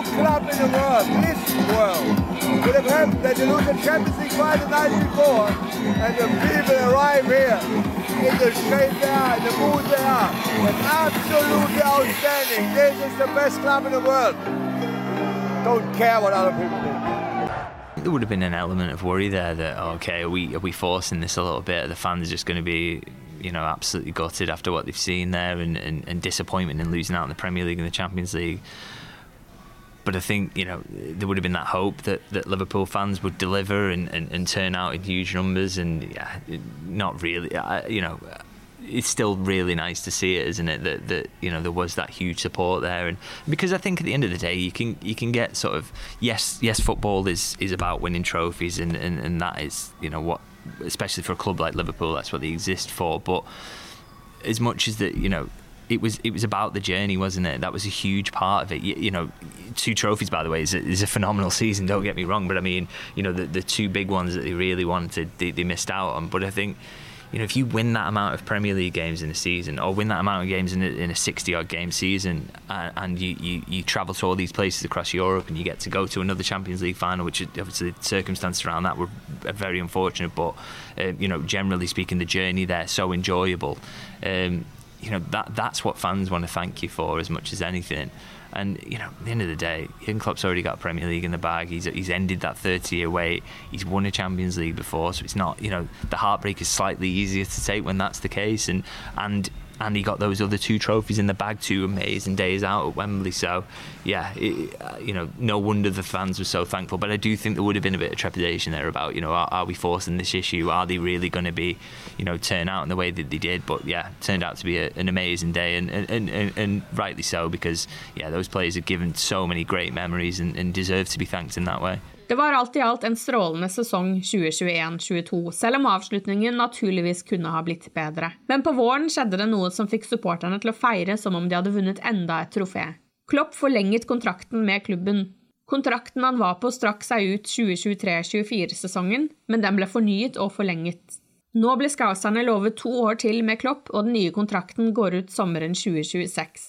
Det passet jo perfekt at det skjedde samtidig som en ny sang om Klopp hadde spredt seg på tribunene. Satt til Beatles-hiten I Feel Fine begynte supporterne først å synge sangen i Portugal. Liverpool skulle spille kvartfinalen mot Benfica, og i en pub i Lisboa ble øyeblikket fanget og publisert på sosiale medier, og vips var en ny koppslager født.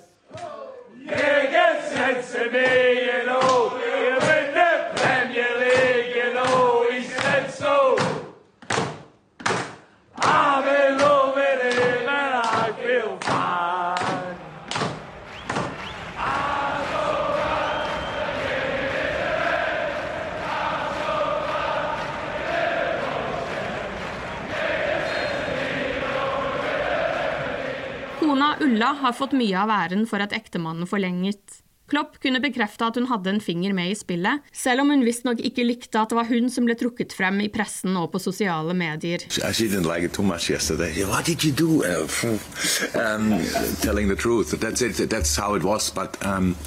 No, it's uh, it's all good. We are in a very positive mood as a family. We are uh, the coaches as well. We are we are all happy. Um, it's a great it's a great decision for us for um, as well. So that we really love being here.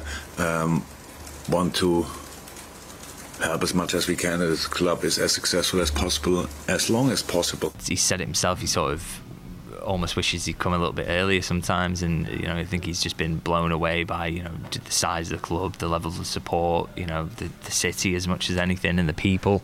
I think he loves all those elements and, and, and what English football is as well. I think you know that that's worth mentioning. Pep Guardiola spoke about this actually this week in terms of you know the, the depth of love of English foot in, in English football and, and, and the, the, the depth of the leagues because of the, the huge enthusiasm for the sport here. So I think it's you know if you're gonna if you're gonna manage anywhere at, this elite level, this is a you know pretty much the place to be as well. And obviously we know all the Premier League with the money it's got is such a huge draw as well. So I think you know you throw all that in and and, and yeah, it's a really really appealing place to be. And I think for Jurgen, you know one of the things he's mentioned is that he, he saw that there was a bit of a rebuild coming here, and he, he sort of almost wanted to prove himself again by building a, a second great Liverpool side.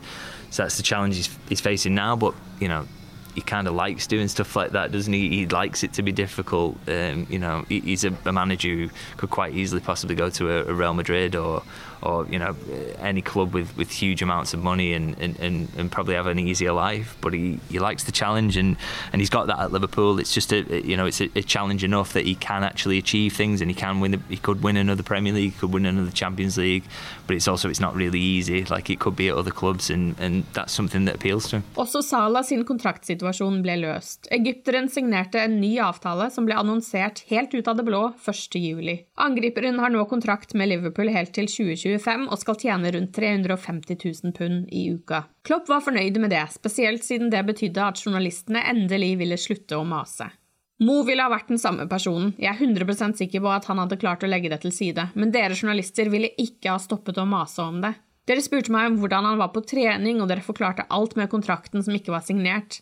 Spør dere spillerne, vil dere få høre at han har trent bra hele tiden, men at kontrakten er signert, vil selvsagt hjelpe på ting. Det gjør at vi kan vite mer om sesongen etter, istedenfor bare ett år frem i tid, sa Klopp. I tillegg til fornyelsen av Salas kontrakt ble Darwin Núñez hentet fra Benfica, Fabio Carvalho fra Follam, Calvin Ramsey fra Aberdeen, Arthur Melo på lån fra Juventus. Men ut forsvant Sadio Mané. Senegaleseren byttet Premier League med Bundesliga og Liverpool med Bayern München. Det var en samtale med Jørgen Klopp da Mané var Southampton-spiller, som gjorde at han valgte Liverpool over Manchester United, som også var interessert. Jeg bestemte meg i hjertet mitt for at Liverpool var riktig klubb for å oppnå alt jeg ønsket. Nå kan jeg si at vi har vunnet mye, og at jeg har hatt en fantastisk tid her, sa Mané etter at overgangen var et faktum. Men som jeg alltid sier, så handler livet om utfordringer, og jeg sa fra til Liverpool om at jeg ønsket meg en ny utfordring nå. Det handler ikke om noe annet enn det. Det er bare en utfordring fordi jeg ønsker å utfordre meg til å bli bedre og bedre hver dag. Klopp syntes det hele var trist, men forståelig. Han reiser med vår velsignelse og vår kjærlighet. Han reiser med en garantert status blant de største. Og ja, han reiser i en tid hvor han er en av de beste spillerne i verdensfotballen. Men vi må ikke dvele ved det vi nå mister, i stedet skal vi feire det vi har vært privilegert å ha. Siden han tok steget gjennom døra her, har han gjort oss bedre. Hvis noen hadde fortalt oss i det øyeblikket hva han ville bidra med og oppnå for denne klubben, er jeg ikke sikker på om det ville ha vært mulig å fatte. Jeg respekterer fullstendig hans avgjørelse, og jeg er sikker på at supporterne også gjør det. Hvis du elsker Liverpool, da må du elske Sadio, uten diskusjon. Det er mulig å gjøre det samtidig som vi aksepterer at vårt tap er Bayerns gevinst. So much of it had been built on that, that, that front three that was it was so settled for so long. There was just absolutely no question if it was a game in the Premier League or Champions League, that it would be that front three that would start. Um, so to, to, to have one of those guys leave, it yeah did did feel like you know you were you were moving into new territory and you were already starting that rebuilding process that that Klopp wanted to stick around for because you, know, you lose someone who's that trusted, then you you know you, you you're losing someone who's been so reliable over so many years. So then that immediately makes signing a replacement becomes a bit of a risk then and you're into new territory you don't know what you're going to get you don't know if you're going to get someone who can deliver as consistently as that. So it's you know new and exciting but also a little bit scary and, and, and you know it's like trying anything new in any any walk of life really and and that's what the Sadio Mane thing felt like and and you know it's um, you know Liverpool are still this season have they completely settled on what what this front three looks like going forward? Possibly not. So it's all you know all that is still going on now but that that is the job that that Jurgen wanted to do and and, and Mane was really the the start of that process Det var the end of an era. Spisstrioen som hadde revet Premier League-forsvar i fillebiter i fem sesonger, ble brutt opp. Fornyelsen av Liverpool FC var offisielt i gang, og det ville Jørgen Klopp bli med på. Det var en av grunnene til at han signerte kontraktforlengelsen. Da 2022-23-sesongen kom i gang, ble det kjapt tydelig at det er mye jobb igjen å gjøre med denne Liverpool-troppen. Da sesongen tok en vinterpause i midten av november for å gi plass til VM i Qatar, så lå Liverpool nede på en sjetteplass. De var allerede 15 poeng bak Arsenal på toppen av tabellen. Resultatene varierte voldsomt hele sesongen. Liverpool vant 9-0 over Bournemouth og tapte 1-0 mot Nottingham Forest. De gikk fra å slå Manchester United 7-0 en uforglemmelig kveld på Anfield. It is another. It's seven for Liverpool. Sensational, astonishing, incredible. The greatest win against Manchester United there's ever been has been served Til å tape 1-0 for Bournemouth på bortebane helgen etter. Da våren kom, minnet det mer og mer om 2020-21-sesongen, der de klarte å snu det helt på tampen, men sluttspurten ble satt inn for sent. 2022-23-sesongen har vært en gedigen skuffelse etter kvadrupelkampen året før. Likevel satt Klopp trygt og så på at managere i andre lag fikk sparken. The elephant in the room is probably, from your point of view, why I'm why I am still sitting in this crazy world. Um, last man standing. Um, Third longest in the Football League, but apparently not. oh, great. Klopp hadde altså mye humor på egen bekostning. Skulle man sett på resultatene alene, sammen med forventningene, så var det jo han som skulle ha sittet utrygt. Men Klopp sitter ikke utrygt. Det skal vanvittig mye til for at FSG skal kvitte seg med han. Og er det opp til skauserne, så vil Klopp bli her så lenge som mulig. Å finne en manager som matcher klubbens identitet og ambisjoner like bra, er nærmest en umulig oppgave. Anfield, for example, is really an emotional crowd and, and, and sort of is, is big on moments, and, and I think Jurgen really sort of gets that. Um, you know, he, he's that connection. You can see him living every moment on the touchline, and I think supporters really appreciate that. Also helps, by the way, that he's got you know he, espouses left wing views, doesn't he? And I think that really fits with the identity of club. I think that's that is quite an, an important factor, and and I think a lot of Liverpool supporters really sort of admire that. Um, and he's just just that big personality and big heart, and that, I think that's what Liverpool fans want is is, is this openness, and you know it, it helps that he's probably got out of, out of all the managers who are operating at elite level, he's he's probably the best personality in terms of you know he's just he's, he's called himself the normal one didn't he in his first press conference? And I think that really sort of gives you an idea of what he's like in terms of he just feels like the man on the street but he also has this incredible ability to manage football teams and build great football sides that, that win things um, and, and, and I think that's why you know that he, he's such a good fit for Liverpool because he's, he's, he's you know he feels like the man on the street and he's you know can identify with him, but he's also absolutely brilliant at what he does and, and produces great football teams. So that that's a good combination to have from the supporters' perspective, and he also loves as well. You know, the, the, from his perspective, you know, playing games at Anfield, the passion of Liverpool support and the feeling that the whole thing everything he's achieving at Liverpool means so much because he's adding to what is an absolutely incredible history that the club has got, and he's you know doing so in front of a crowd who who, who loves every minute and really feels it and creates an, an incredible atmosphere. Um, so that's just I think that's why they're a really good mix together. Nå er Jørgen Klopp den manageren i Premier League som har sittet lengst. Hvis man ser på tiden siden Premier Leagues inntog i 1992, så er det bare tre managere som har sittet lengre. Arsen Wenger i Arsenal, Alex Ferguson i Manchester United og David Moyes i Everton. Fotballen ble naturligvis ikke oppfunnet i 1992, og den manageren som har sittet lengst av alle, er Fred Everest, som var West Bromwich-manager i hele 45 år og 9 måneder mellom 1902 og 1948, ifølge Wikipedia. For Liverpools del så er det Tom Watson som har sittet lengst. Han ledet Liverpool i 18 år og 9 måneder mellom 1896 og 1915. Bill Shankly satt i 14 år og 6 måneder.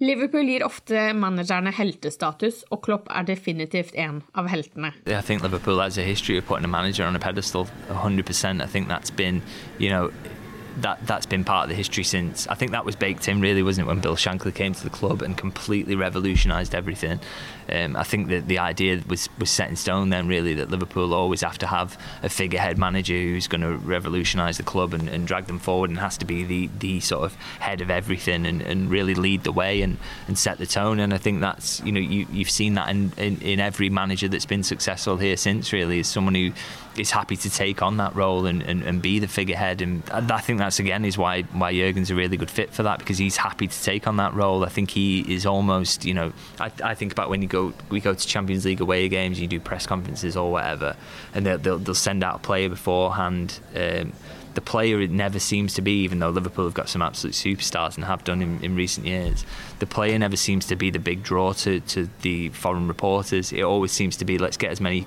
questions in for, for Jurgen as we can. And I can't imagine there's many clubs for whom that's the case or many managers for whom that's the case. He is the superstar. And I think that, again, is why they fit really well together because that is exactly what Liverpool want from a manager is him to be the, the main attraction almost and the, the real leader. Um, and everyone pulls in behind that. And, and yeah, Klopp's ideal for that. Nå venter kanskje en av Klopps største utfordringer. Han bygget et mesterlag som vant det meste det var å vinne, men som nå befinner seg i en overgangsfase samtidig som forventningene fra supporterne og fotballfolket er skyhøyt.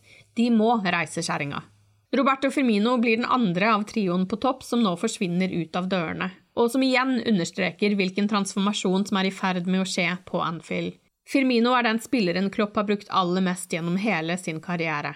You know, if you if you were to sort of describe, okay, we're, we're, we're building a footballer now, and he's going to be a fan favourite. I think he would have every element of Firmino's game in it. So, as a starting point, being the hardest worker on the pitch is, you know, really good start. I think you know everybody loves to see someone who's running in the with the you know running for the shirt in the way that a, a supporter would. So Firmino's got that then he plays the game in a really cheeky, sort of fun way. You know, there's little flicks and tricks and, and, and little no look passes. You know, that he adds that fun element, so fans absolutely love that.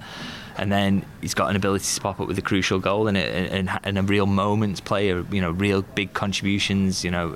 And I think so you, you add all that together and, and that just gives you a, an extremely reliable, fun to watch hard-working player, and that's that sort of sums Firmino up. And I think that's exactly why supporters will love him, uh, uh, have loved him, and, and, will absolutely miss him. And also why the manager would turn to him in, in, in, in, in all moments because he's you know just so reliable, so switched on tactically as well. Um, you know knows that he can always do the job that he's being asked to do and, and, and, and that for me is why sort of Jurgen Klopp has yeah he's been the, the player he's most relied on because he's just he's just so good at doing what's asked but in, in you know in a way that is you know inventive and and, and, and, and he shows graft and, and all those qualities that's why he's been so important. Overgangsvinduet 2023 startet som vanlig med skuffede supportere. Skuffede fordi Liverpool trakk seg fra kampen om Jude Bellingham, da man mente at de ikke hadde råd til å bruke så mye penger på én midtbanespiller. Men det skjedde ting på Anfield likevel. Først hentet de Alexis McAllister fra Brighton, og så kom Dominic Soboslai fra RB Leipzig. Begge har startet sine Liverpool-karrierer på forrykende vis. Liverpool har også hentet inn Wataru Endo og Ryan Gravenberg. Men Liverpool på overgangsmarkedet er jo litt som å jobbe i motbakke. Man har ikke de samme økonomiske musklene som f.eks. Manchester City og Chelsea, men det er en utfordring David Lynch tror at Jørgen Klopp trives med. I, I, don't I don't get the sense that he's massively frustrated by it. I think if he was frustrated by it, it'd be easy enough for him to, to walk away. As I say, he, he could so easily go and work at another club who, who possibly spends more money. It's, it's almost frustrating for us as journalists actually to see the way he isn't seemingly bothered by it, that he works under constraints that his rivals in the Premier League don't have to work under. Um, and yet he seems absolutely fine by that. I mean, maybe maybe that's what he likes to do. He likes the the challenge element of that, and that it's more difficult, and that he's only going to sign players. For example, if Liverpool are outside the Champions League, he's only going to sign players who really want to get on board anyway. You know, maybe he likes the idea that okay, if they were only going to come for one season in Champions League football, then I don't want that player at my club. Um, I think all that sort of appeals to him. So, uh, yeah, his calmness about that, and, and sort of the the way he's accepting of the, the restraints that are upon him, it just sort of amazes me really at times. And I think, but he, he just he doesn't seem bothered by it at all. And and again, maybe is why he's such a good fit for, for this version of Liverpool, particularly under FSG, because you know they're never going to be the biggest spenders, are they? I mean, they don't spend too badly. I think it's maybe overplayed a little bit that, that, that you know that Liverpool are paupers, but certainly not getting to the, the, levels of Manchester City, but maybe Jurgen Klopp likes it that way. He wants to be the underdog and, and, and to sort of bloody the nose of the bigger teams or the, the bigger spending teams anyway. And yeah, that, that, that sort of suits him and, and to, to, to play that role of underdog. Status etter de første fire kampene av 2023-24-sesongen er tre seire og én uavgjort. Klopp har sagt at han elsker dette nye Liverpool-laget, og på Anfield mot Aston Villa like før landskamppausen kunne man se at det gjør supporterne også. Det føles som noe spesielt er i ferd med å blomstre igjen. Klopp har to år igjen av kontrakten sin, og det kan bli to underholdende år. La oss nyte de neste sesongene vi har, sammen med mannen som har vunnet de fire store trofeene. Mannen som børstet støv av den europeiske fotballgiganten som er Liverpool FC, og tok dem tilbake til toppen. Mannen som har bergtatt en halv by i Nordvest-England, og som nok har sjarmert en god del av den andre halvdelen også. For Klopp forstår Liverpool by, så godt som man kan forvente av en fra utsiden. To emosjonelle sjeler opptatt av rettferdighet og medmenneskelighet, full av humor og lidenskap og med et brennende engasjement for hva som skjer på en fotballbane. Liverpool har omfavnet tyskeren med hele sitt hjerte, og Klopp, han får ikke nok av verdens beste fotballklubb. The best word I can say, but uh, will describe this was boom. Ooh, what was this? It was really good. Planning for your next trip? Elevate your travel style with Quince. Quince has all the jet setting essentials you'll want for your next getaway, like European linen, premium luggage options, buttery soft Italian leather bags, and so much more. And it's all priced at 50 to 80% less than similar brands. Plus, Quince only works with factories that use safe and ethical manufacturing practices. Pack your bags with high-quality essentials you'll be wearing for vacations to come with Quince. Go to quince.com slash trip for free shipping and 365-day returns.